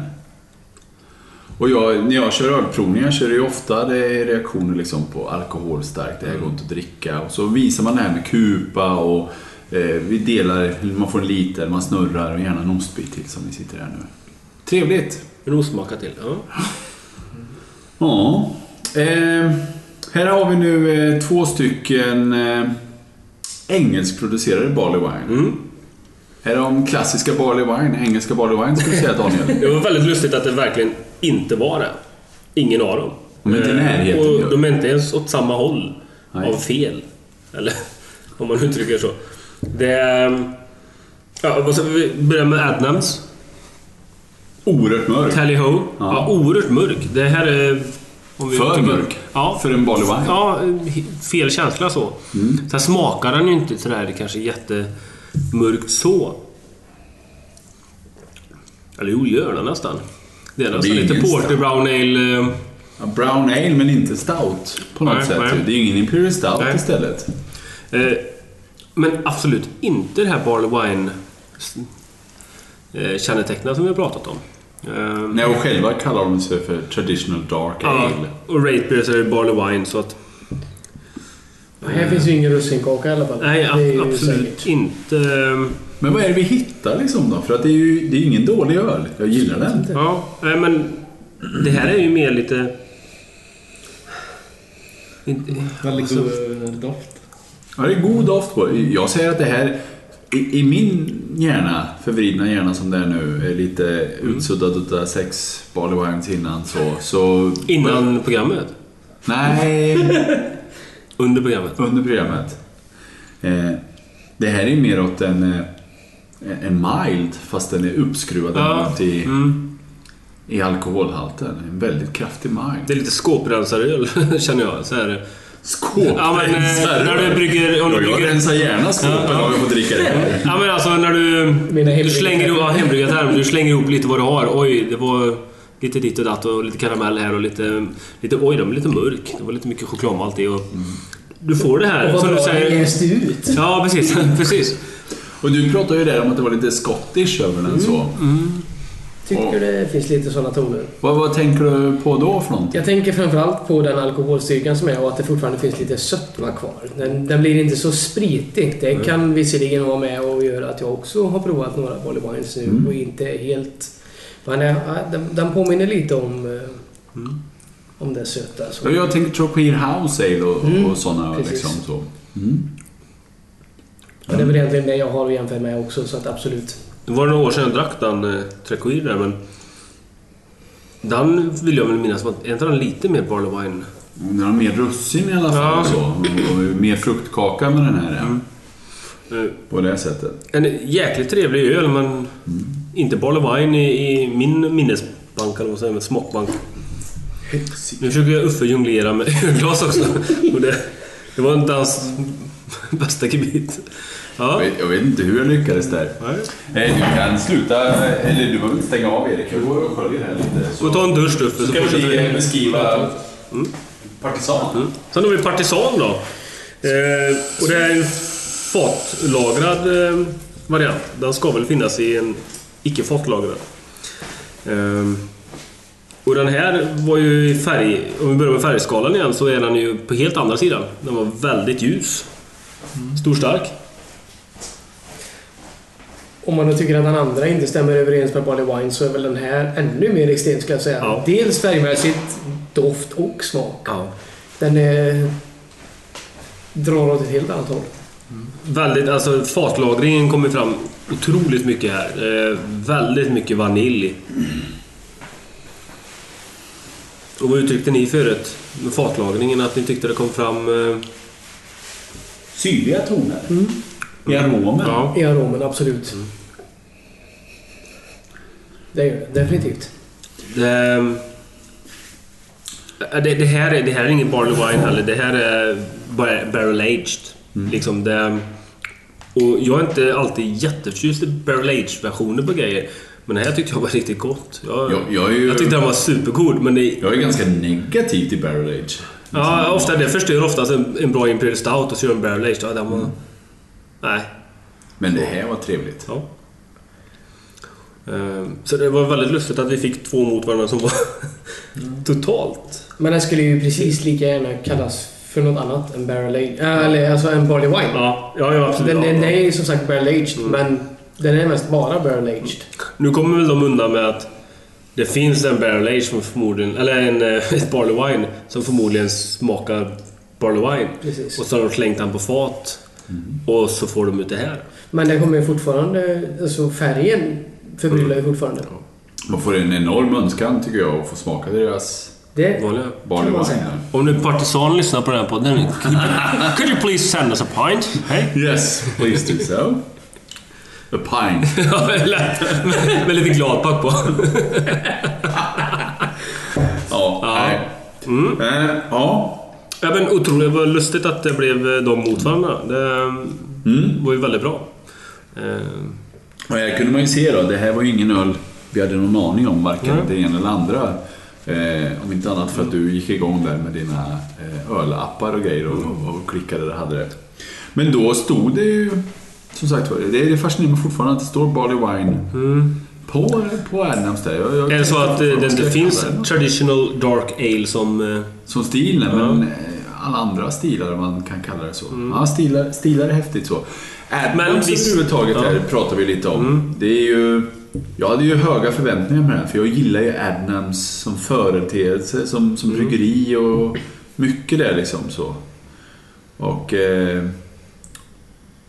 ja, Ja. det, du, du, vad var det du kallade det? Lite tråkigt eh, standard? Nej, Inte tråkigt har men inte, det är snarare ett pålitligt, ganska försiktigt brittiskt bryggeri som gör bra öl som inte kanske är så spännande. Ja, just det. Det är ju inte spännande och tråkigt kanske samma ord, men Ja. mer positivt egentligen. Det, En tråkigt. ja, det, det, är ett, det är ett... Nu vet inte jag volym på men jag får för mig att de är stora. De är ju regionala så. Eh, så att... Eh, jag, jag har ingen siffra alls på hur mycket de har. Men det innebär att ett regionalt bryggeri i Storbritannien producerar ju en hel del öl. Mm.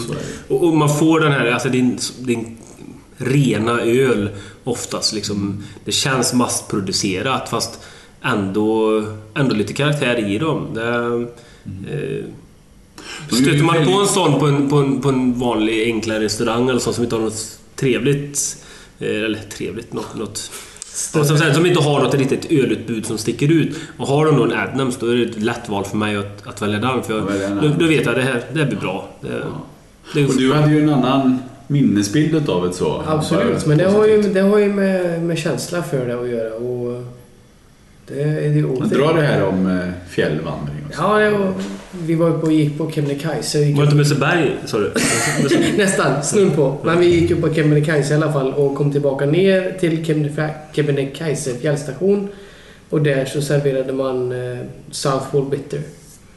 Och det liksom bar ju upp hela den ölen. Det smakar gott ändå. Det gjorde det. Hade det varit en. Carlsberg så hade du suttit där och hyllat Carlsberg. Den hade smakat gott också men jag hade ju inte suttit här och hyllat den. Visst är det häftigt så egentligen? För Southward Bitter, ja, som du kallar det, liksom så här, eh, välbryggt och, och stabilt eh, men inte sticker ut. Mm. Och, och sen just att du har druckit det vid det här tillfället gör att man Absolut. får en aura runt ölet. Jag, ju, jag förstår ju vad du säger och vad du menar men då vill jag ju ställa en fråga om vilka engelska bryggerier som faktiskt sticker ut. Sirens. Mm. Och Nästa fråga. ja, precis. den andra barley winen som vi provade precis är ju också ett engelskt bryggeri. Jo, men typ, alltså, det känns typiskt eh, brittiskt. Det här eh, liksom... Ja, traditionell, traditionellt. Och det som är synd är ju att Adnams, utav deras öl, så kommer ju bara det traditionella hit. Vi, vi får ju knappt broadside överhuvudtaget Nej. hit. Och vi får absolut inte deras eh, eh, samarbetsbrygder med, med amerikanska hippa bryggare. Så då har det ju egentligen inte så mycket med bryggerierna att göra i sig då utan då är det mer... Förmodligen. Men ja, det här var ju eh, kanske... Kunde varit den mest udda från Adnams jag hade fått testa. Men han var ändå en ganska typisk Adnams-öl. Eh, God, välbryggd. Mm. Vi pratade lite om förut, jag, jag kommer inte på vad den hette, men nu lyckas slå upp det. En Adamsöl som jag hittade på en lokal pizzeria för några år sedan. Eh, Och det var en Gunhill. Gunhill, okej. ja. Och det var l- så man ändå har lite koll på vad som finns och så dyker det upp på en liten pizzeria en, en öl som jag inte känner till. Eh, Och jag ser att det, det är som en English Mile Ale på 4%. Det är det. Och det var ju liksom perfekt till maten. Så här, och det var ju verkligen... Adnams, det är Och- brittiskt. Om jag nu ska säga någonting om Adnams när jag nu har testat med deras försök till att göra belgisk dubbel eller belgisk trippel och så vidare. De har inte varit så lyckade. Eh, men däremot Gun, Gunhill är ju jättetrevlig. Mild där. Southwall Bitter har ju druckit förr men jag har ingen riktigt minnesbild utav han så. Eh, Lite för gräsig i min smak för, för att vara bitter så. Nej. Mm. Ja, nu var det ju inte sånt vi skulle... Det var ju inte Adnams vi skulle diskutera. Eh, om man nu ska ge sig på dessa två mycket skilda öl då. Vilken godast här?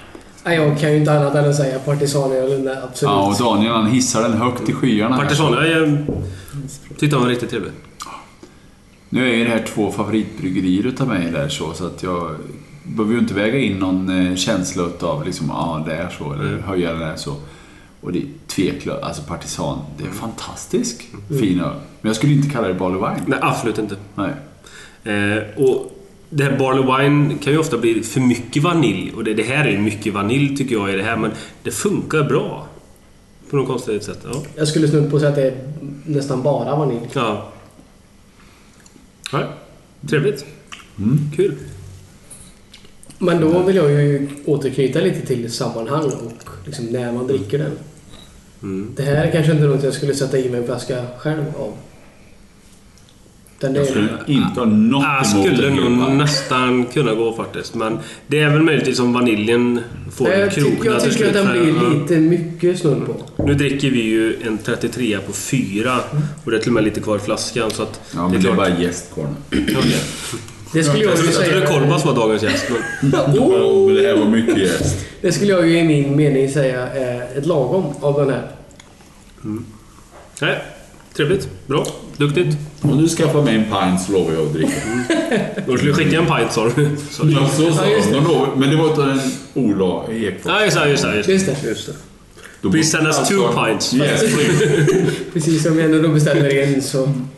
While we asking, please send us one pint of the unbarrel aged and one pint of the barrel aged each. That means eight pints to my address. And don't forget the gladpack. ja, hur går vi vidare från denna häftiga upplevelse? Ja, jag tycker att det räcker lite här. Eller vad säger du Daniel? Nej, jag kan ju tänka mig att det finns plats för två till. Två till. Minst. Mm. Eh, Eller och då till. siktar du då på att vi ska kolla, kan svenska hembryggare lösa det här? Ja, det tänkte Mm. jag ju kanske sen ja. Ska vi ha där så. Och sen så ska vi väl eh, ta de här Thomas Hardys Ale och Brewers Reserve. Jag tycker... Och sen var jag inne på också på den här Baronen. Eftersom den fick eh, pris som festivalens bästa öl. Ja, just det. Det är ju lite häftigt att en Barley Wine får det. För på något sätt så känns det inte som om Stockholm Beer Festival brukar dela ut sådana... Det brukar ju... Öl. Nej, det brukar ju snarare vara Nej, jag har ingen... ganska oväntade, eller nej jag kan inte heller rabbla om eh, vilka som vinner, men det brukar ju vara ganska kommersiella öl som vinner där, för det är ju väldigt många besökare som, som går dit och gemene man besökare röstar egentligen... besökarna så. Jag tror att det är, Är det från- jury. Mm. Jaha.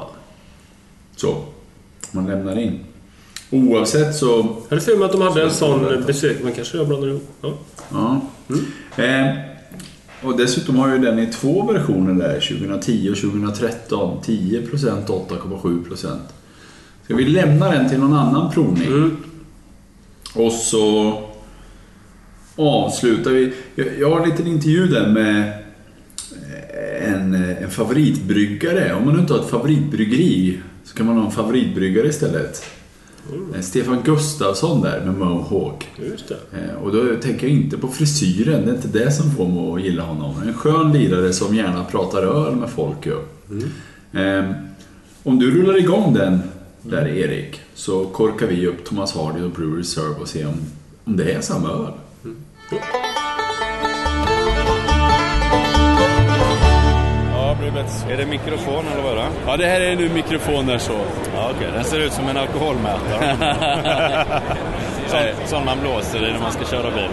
Ja, eh, nej, det är det inte. Eh, Ja, då står vi här alltså i Wicked Wines eh, monter och eh, ja, vem är det vi pratar med egentligen? Jag heter Stefan Gustafsson. Fast du är mer känd för? Som eh, bryggare på Mohawk. Mohawk, ja. Ja. Mr Mohawk himself. Ja. Ja. Och eh, om vi börjar med din egen eh, relation till Barley Wines. Tycker du om Barley Wine? Och... Jag tycker om Barley Wine, men inte i stora mängder så, utan i måttliga mängder då och då. Ja. Ja. Nej, det är en smuttaröl ju så. Ja, det är det. Ja. Ser man, nu, nu vet jag ju att du, du tänker mer smaker än eh, ekonomi när du brygger ju så. Men eh, alltså ser man det som ett stort problem tror du? Eh, på ett bryggeri över att folk delar på en 33 på fyra personer kanske? Det, det jag kan se som en svårighet i det fallet är väl att eh, det krävs ju en viss volym försäljning för att man ska kunna brygga. Ja. Större bryggerier har ju givetvis större bryggverk så att eh, det kan nog bli ett hinder om du är för stor. Om det blir för stort så ja. Det är nog Ja. lättare för ett litet bryggeri att göra en barley wine, det tror jag. Ja, det är mycket möjligt så. Om man läser lite litteratur så, eh, Michael Jackson till exempel, så brukar han alltid säga att Barley Wine var bryggarens stolthet, att det var svårt att brygga. Eh, Hur är det? Är det svårare att brygga Barley Wines än andra sorter? Ja, ja och nej får jag nog säga på det. Ja, det, det, är, det är svårt att göra en riktigt bra barley wine. Men det behöver inte vara särskilt komplexa recept så, utan man kan komma väldigt långt med enkla medel. Ja. Och vad, är, vad ligger svårigheten i då? Svårigheten är väl när du kommer upp i höga alkoholhalter. Kanske 9-10 procent är någonting som de flesta bryggare idag klarar av att göra med viss elegans och så vidare. Men eh, 12-13 procent, då är det väldigt mycket som kan gå fel under jäsningen till exempel. Ja.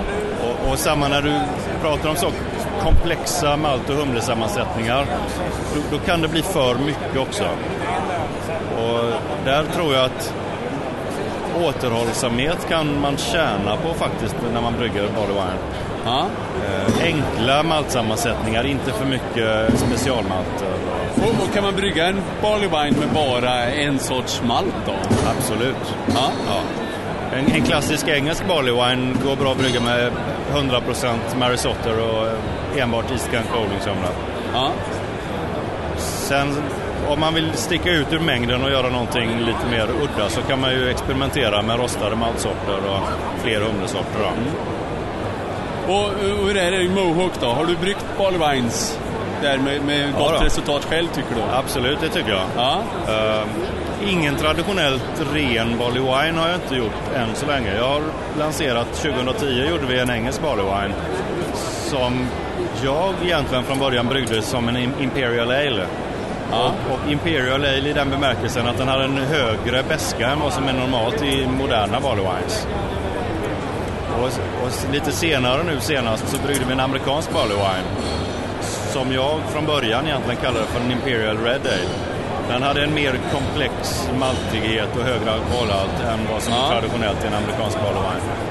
Hur kom det sig att den blev en amerikansk Barley Wine av det sen då i, i, ja, på hemsidan? Ja, Systembolaget frågade efter en amerikansk barley wine så vi valde att inte utmana dem eh, och, Utan och, då- och döpt dem helt Ja. enkelt. Ja. Och, det- alltså Barley Wines för mig är ju någonting som man gärna ska lagra och få oxideringstoner, lite madeira. Tror du att eran amerikanska Barley Wine håller med det så? Och mycket Ja. hög drickbarhet på den, alltså jätte... Absolut, det, det tror jag. Och jag tror till Så. och med att den är bättre nu än när den lanserades. Det tror du? Ja. Ja, det är jag säker på. Eh, och den kommer säkert att tåla i ett eller ett par år till. Så. Nu vet jag då, vi, 2010 när vi släppte vår engelska barley wine, det, det har jag själv redan konstaterat och jag har hört andra som nyligen har provat den som säger att den kommer inte att bli bättre nu. Okej. Utan nu har, du- har du kvar några 2010 så är det dags att dricka upp dem. Så är det dags att dricka upp dem. Så. Eh, 2014 eh, barley winen då, den kommer du säkert att kunna lagra ett par år till. Och finns det kvar utav den om man nu tyckte att den var god att köpa? Nej, nu är den nyligen slutsåld. Ja. Såld också ja. så. Och hur tänker man då som bryggeri då? Så här, Okej, nu sålde vi slut på den här, vad skönt, äntligen. Eller tänker man, åh, nu får jag chansen att brygga en ny? Ja, ja det sista. Ja. det stämmer, det sista. För det måste vara svårt. Jag tänker med andra ölsorter så, här, så brygger man... Jag menar, har man en IPA och man får brygga den en gång i månaden eller någonting sånt. Ja. Då hinner man ju lära känna den på ett helt annat sätt. Det stämmer. Eller? Men det är också charmen tycker jag med barley wine. Om du har en, en öl som du brygger en gång varje år, då kan du förvänta dig naturlig variation. Och det tycker jag är roligt. Att eh, årets, eh, vad det nu kan vara för någon jubileumsöl som man gör, att ja, årets version den blev riktigt bra. Och Ja. Förra årets, den kan behöva lagras lite till eller sådär. Att det, Eller drickas ur rent av. ja, Ja. och det tycker jag är roligt. Ja. ja, vi tackar för pratstunden. Ja, tack själv. Hej.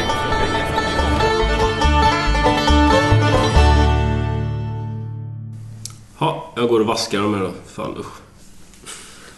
Alltså spelar vi in. Oj, vad gott det var. Vad... ehm, Det Ja, jag sitter där och letar på The Magic Internet. Jag försökte hitta det här eh, nippel, fick jag för mig att det heter. 18,2 typ centiliter eller så här. Båda de här två ölen var ju på 25 centiliters flaska. Mm. Och vi delade dem på fyra och det är lite kvar i flaskan. Det ha varit en femte gubbe på dem också ju. Alltså man kan inte kalla det här för dyra öl egentligen. Det gäller bara att hitta fyra vänner man vill dela med. Gäller, Fyra gäller bara att ha fyra vänner också. Jag, jag, jag vill säga så här, fyra personer i världen som är värda att få smaka det här. Ehm, Nej, det kan ju inte vara amerikanska mått antar jag. För det är väl 16 ounce är väl deras 35,5 centiliters. Har amerikaner mindre? Det var precis det jag funderade på. Om de nu har ounce så kan, och nu är jag ju så dålig, heter det inte 12 ounce? Eller? I sådana fall borde det finnas 6 ounce. Vad står det på um, de amerikanska flaskorna? 12 oss. 12 Ja, hade du det? 12 ounce. Ja, då borde det väl finnas en 10 ounce. Det borde det ju rimligtvis Nej, göra. det gör det ju Jag tror inte de Nej, jag ska inte ifrågasätta men... De har ju det. Nej, det, det, det, Det är det här och Bombers typ, känns det Ja, som. ja, precis. Det är ju de där så. Men det här är någonting som snurrar i skallen på mig. Jag, jag tror att det är, är han eh, Michael Jackson som eh, har lurat in mig på mig att man förr, vad nu förr var, om det är 50-tal, 60-tal så, så alltså buteljerade de här på riktigt små flaskor, 18 centiliter någonstans. Och ändå liksom så var det tänkt att man skulle dela det på två, beskrev han det som. Man behöver inte så mycket av en sån här barley wine. Nej, i USA har det väl snarare gått tvärtom. Så stort. Ja just det, Old Ruffian eller någonting hade jag hemma.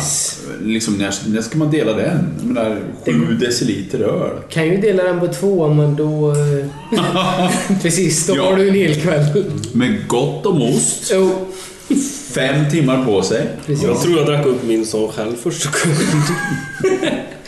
På 12 minuter. Nej, det var helt. Nej, men... Eh, Erik förresten, var inte sån du halsade där för att du insåg att man inte fick ha med sig vätska på flyget där? 30 sekunder i kön. är det sant? Det blev en bra Nej, det var inte sant. ja. Nej, men eh, det här ska ju alltså vara originalet mot kopian då. Ja, eller någonting åt det hållet så. Och Hanlons bryggde Hardys Ale. Sluta brygga den. Och så hittade jag den här då, Special Reserve. Classic example of the art of skill of the mastercraft brewer. The beer is aged for many months and blended until complex flavors are fully balanced into this rich, deep and satisfying ale. Rich, deep and satisfying ale. Vad, vad smakar det? Så här. Precis som de säger. Ja, precis. Ja, okej. Mm. Traditional British. Det får vi väl hålla med om, va? Ja, inte... Om de två föregående inte kändes traditionellt brittiska, så de här två... Det här Ja, är ju stort. Ja, lite min, min bild i skallen på det här. Och då är ändå inte liksom riktigt färska heller. Eller riktigt, 2006 är inte alls färskt. Ehm, nej, det här, det här var, det var bra. Det var riktigt bra. Men jag tror att gillar det- du bäst? Jag gillar bäst. Jag får nog ta en klunk till utav allihopa här. Ja, allihop. Var det till höger eller vänster? Jag tyckte faktiskt inte... Jag menar, ni, ni eh, framhäver en ganska stor skillnad på dem. Ju, ju längre det, det smälter ihop ganska mycket, men jag tyckte i början att det var större skillnad. Jag vill nog fortfarande bibehålla skillnaden på dem. Att sötman i Thomas Hardy är mer påtaglig. Massiv. Framförallt just sötman.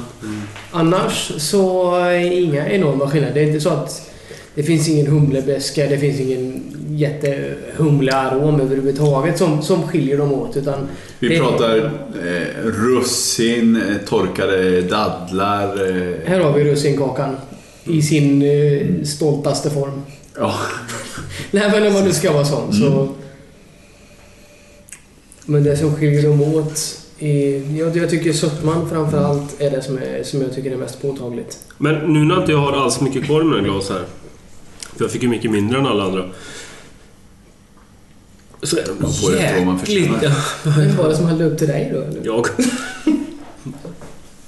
De är jäkligt lika nu när det är det här sista ångorna kvar nästan bara. Mm. Thomas Hardy har lite mer... Man skulle kunna säga. till mig och säga att Thomas Hardy, varsågod. Mm, mm. Jag skulle inte reagera, Jag skulle inte så reagera att nej. det här var ju inte Thomas Hardy, det här är Handons Special Reserve. Nej, så stöddig är jag ju inte heller. Det är, Nej. Så nu vet man vad man ska börja leta efter. Bruce Reserve. Eh, om jag har fattat rätt så har de slutat med den också. typiskt. Ja, vad heter nästa då? Ehm, Thomas Reserve of Hamlin. Anglofilen i mig känner att jag får väl göra lite research på de där.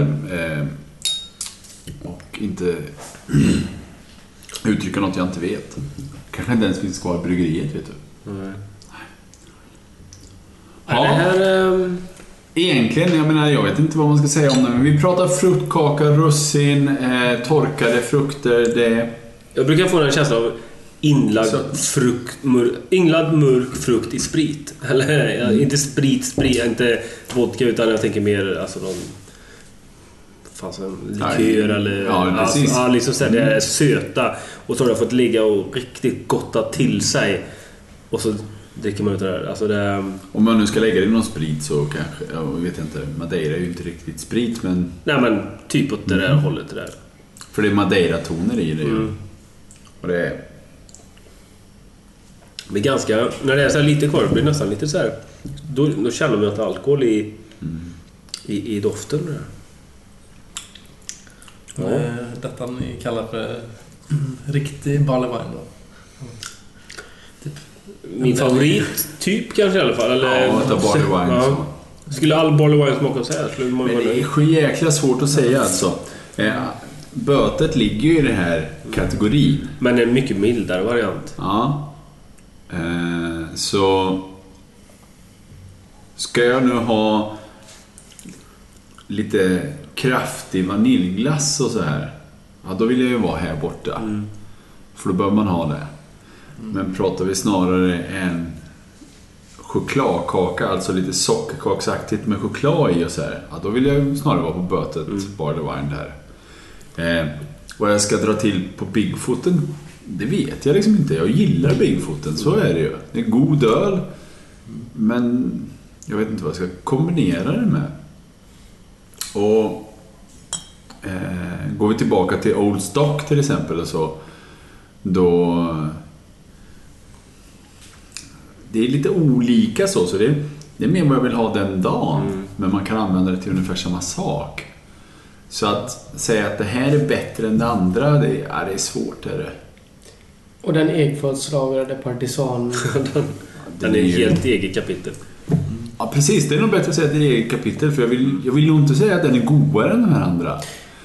Men eh, nu när vi har suttit här, man har fått en eh, halv deciliter utav varje utav de här. En hel deciliter kan vi säga nästan utav detta sötma, eh, massiva grejer så. Om någon nu skriver en pint öl så blir ju hellre partisan. Ja, den, ja, det, så. Möjligtvis Old Foghorn Ja, också, den- den var ju också lättdrucken. den var lättdrucken. så. Är det, Med betoning på lättdrucket då kanske. hög Ja. hinkabilitet Ja, hinka, det, alltså, det, liksom. var, det var ju... Det var det som var negativa med den egentligen. Det var att den, den var lite för lätt. Jag ville ha något som håller längre i glaset liksom. Mm. Men jäkla intressant att se för...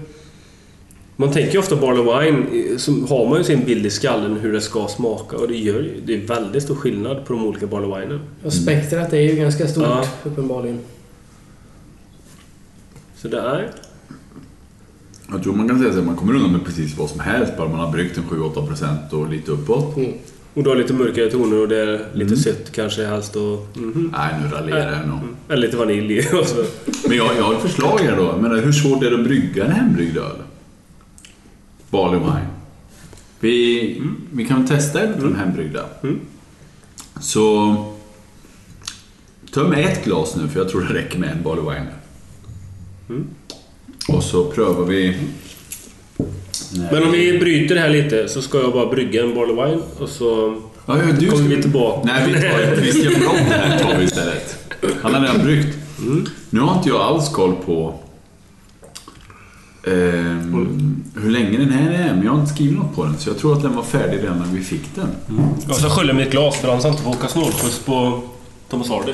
Det ska han få göra hos mig, för jag har tröttnat här. Och så skär jag upp lite ost under tiden, för det, det bör man ha till detta. Vi döljer alla felsmaker. Christian. Nej men överhuvudtaget, att sitta där med barley wine och bara småäta ost och greja och ha sig. Det är ju en välsignelse. Jag fattar inte de här eh, munkarna, att de inte förstod det. Att det är liksom inte dubbelbock och grejer de ska brygga, utan det är barley wines. Och då undrar jag liksom, i England där och reformationen, vart hade vi kunnat taga allt här om vi inte hade skrotat eh, klostren i England? Så här har vi ju kanske ingen russinkaka men det är ju... Mm. Absolut ingen russinkaka här. Lite sämre lukt kanske. Det är schysst att vi stiger upp till det vi själva kanske hade störst förväntningar på. Och sen får en stackars hembryggare komma med fyra års erfarenhet och... Då ska jag väl tillägga så att jag tycker inte det var dåligt på något vis utan att det... Man ska inte ge de där stackars Linköpingsborna allt för lätt, inte jag. Ja.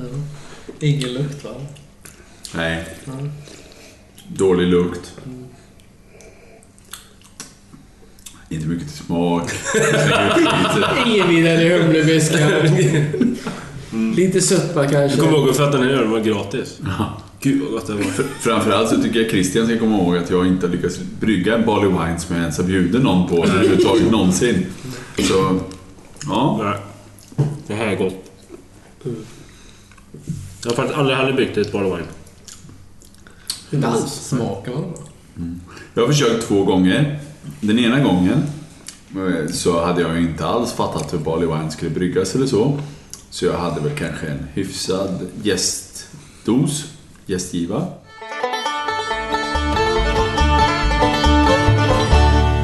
Då har vi druckit Christians eh, Barley Wine här.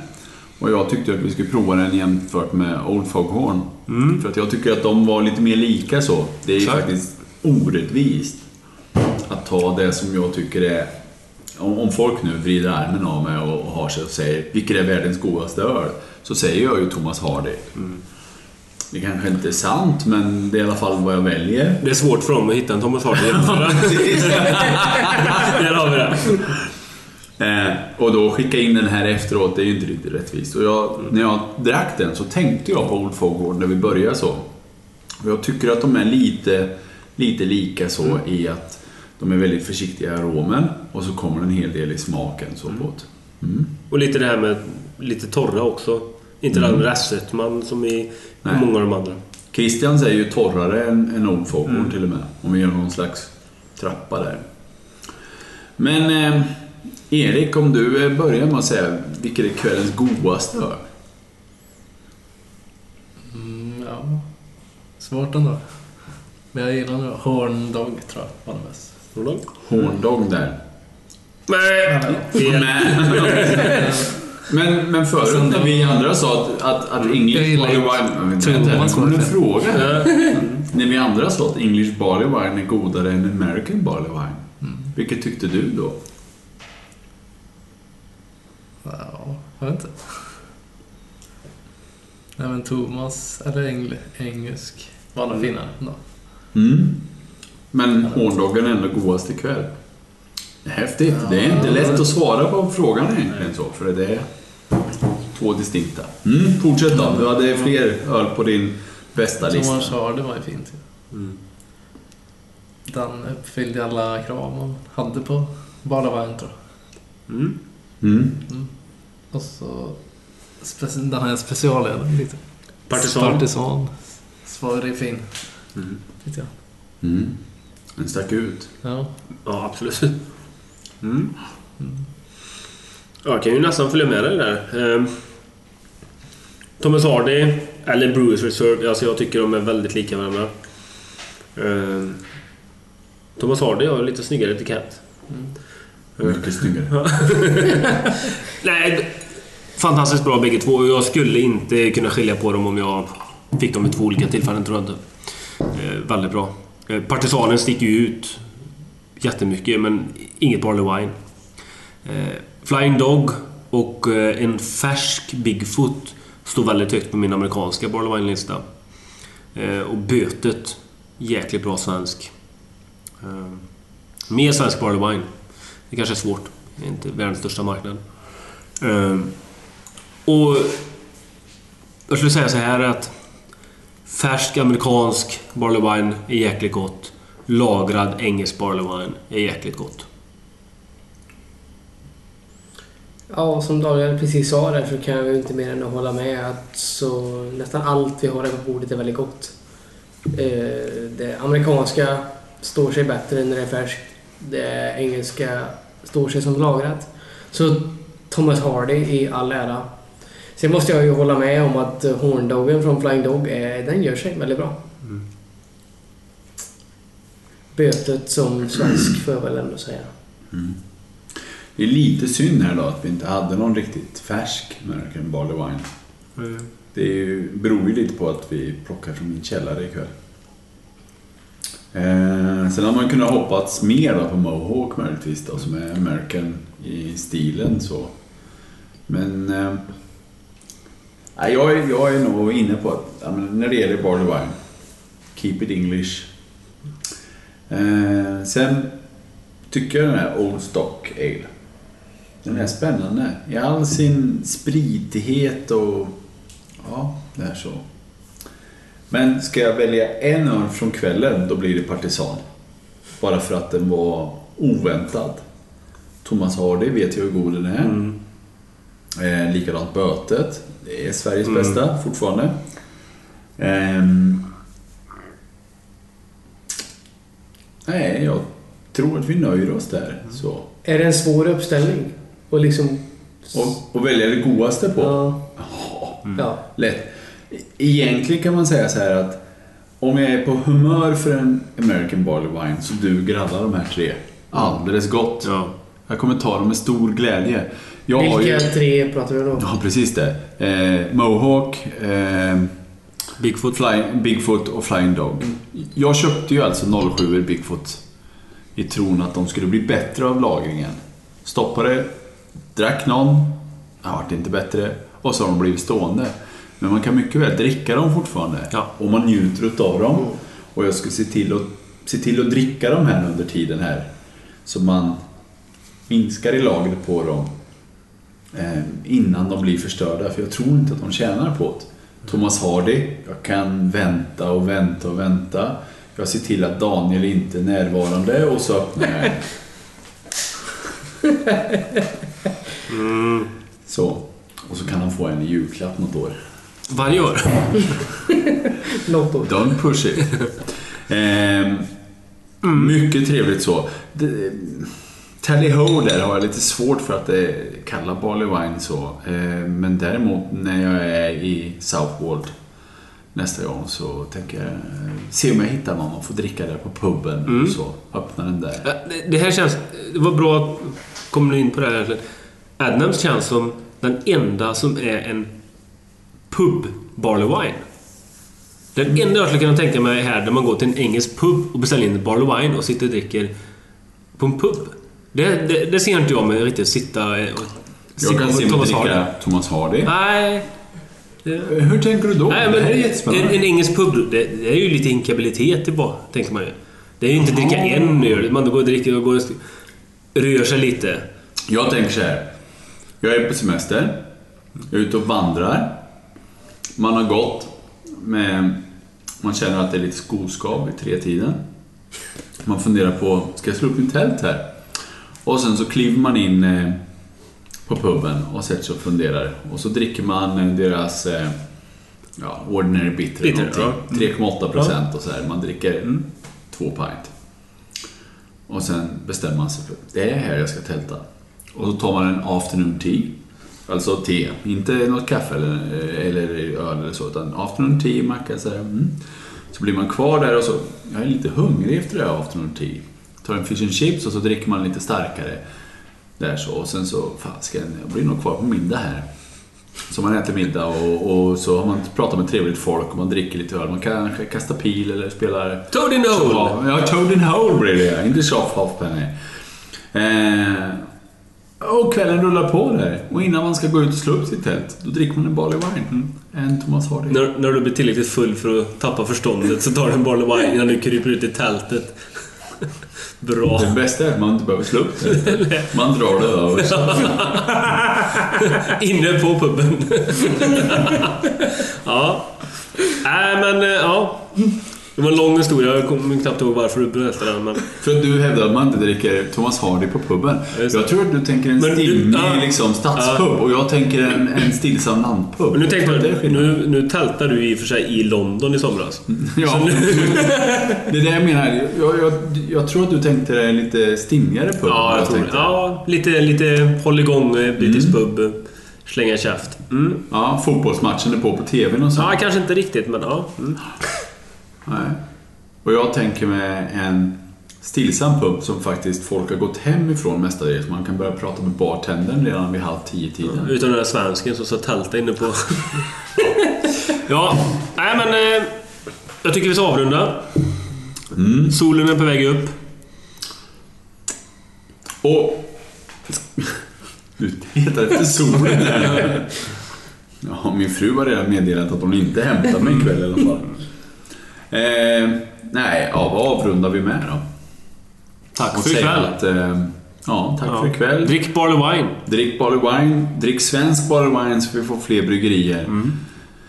Ja, ja, folk kan väl gärna tipsa oss om svenska bryggerier som gör det. Men jag menar, så många bryggerier som det finns så kanske vi missar en massa barley wine. Och jag dricker gärna barley wine från Sverige. Prövar. Så tipsa oss. Kom in på Facebook. Mm. Där finns vi. Skriv något. Har vi missat något? Har vi fel? Det har vi förmodligen. Eh, alla fall du. tyck och tänk. Det är kul. Mm. Ha det gott. Hej då.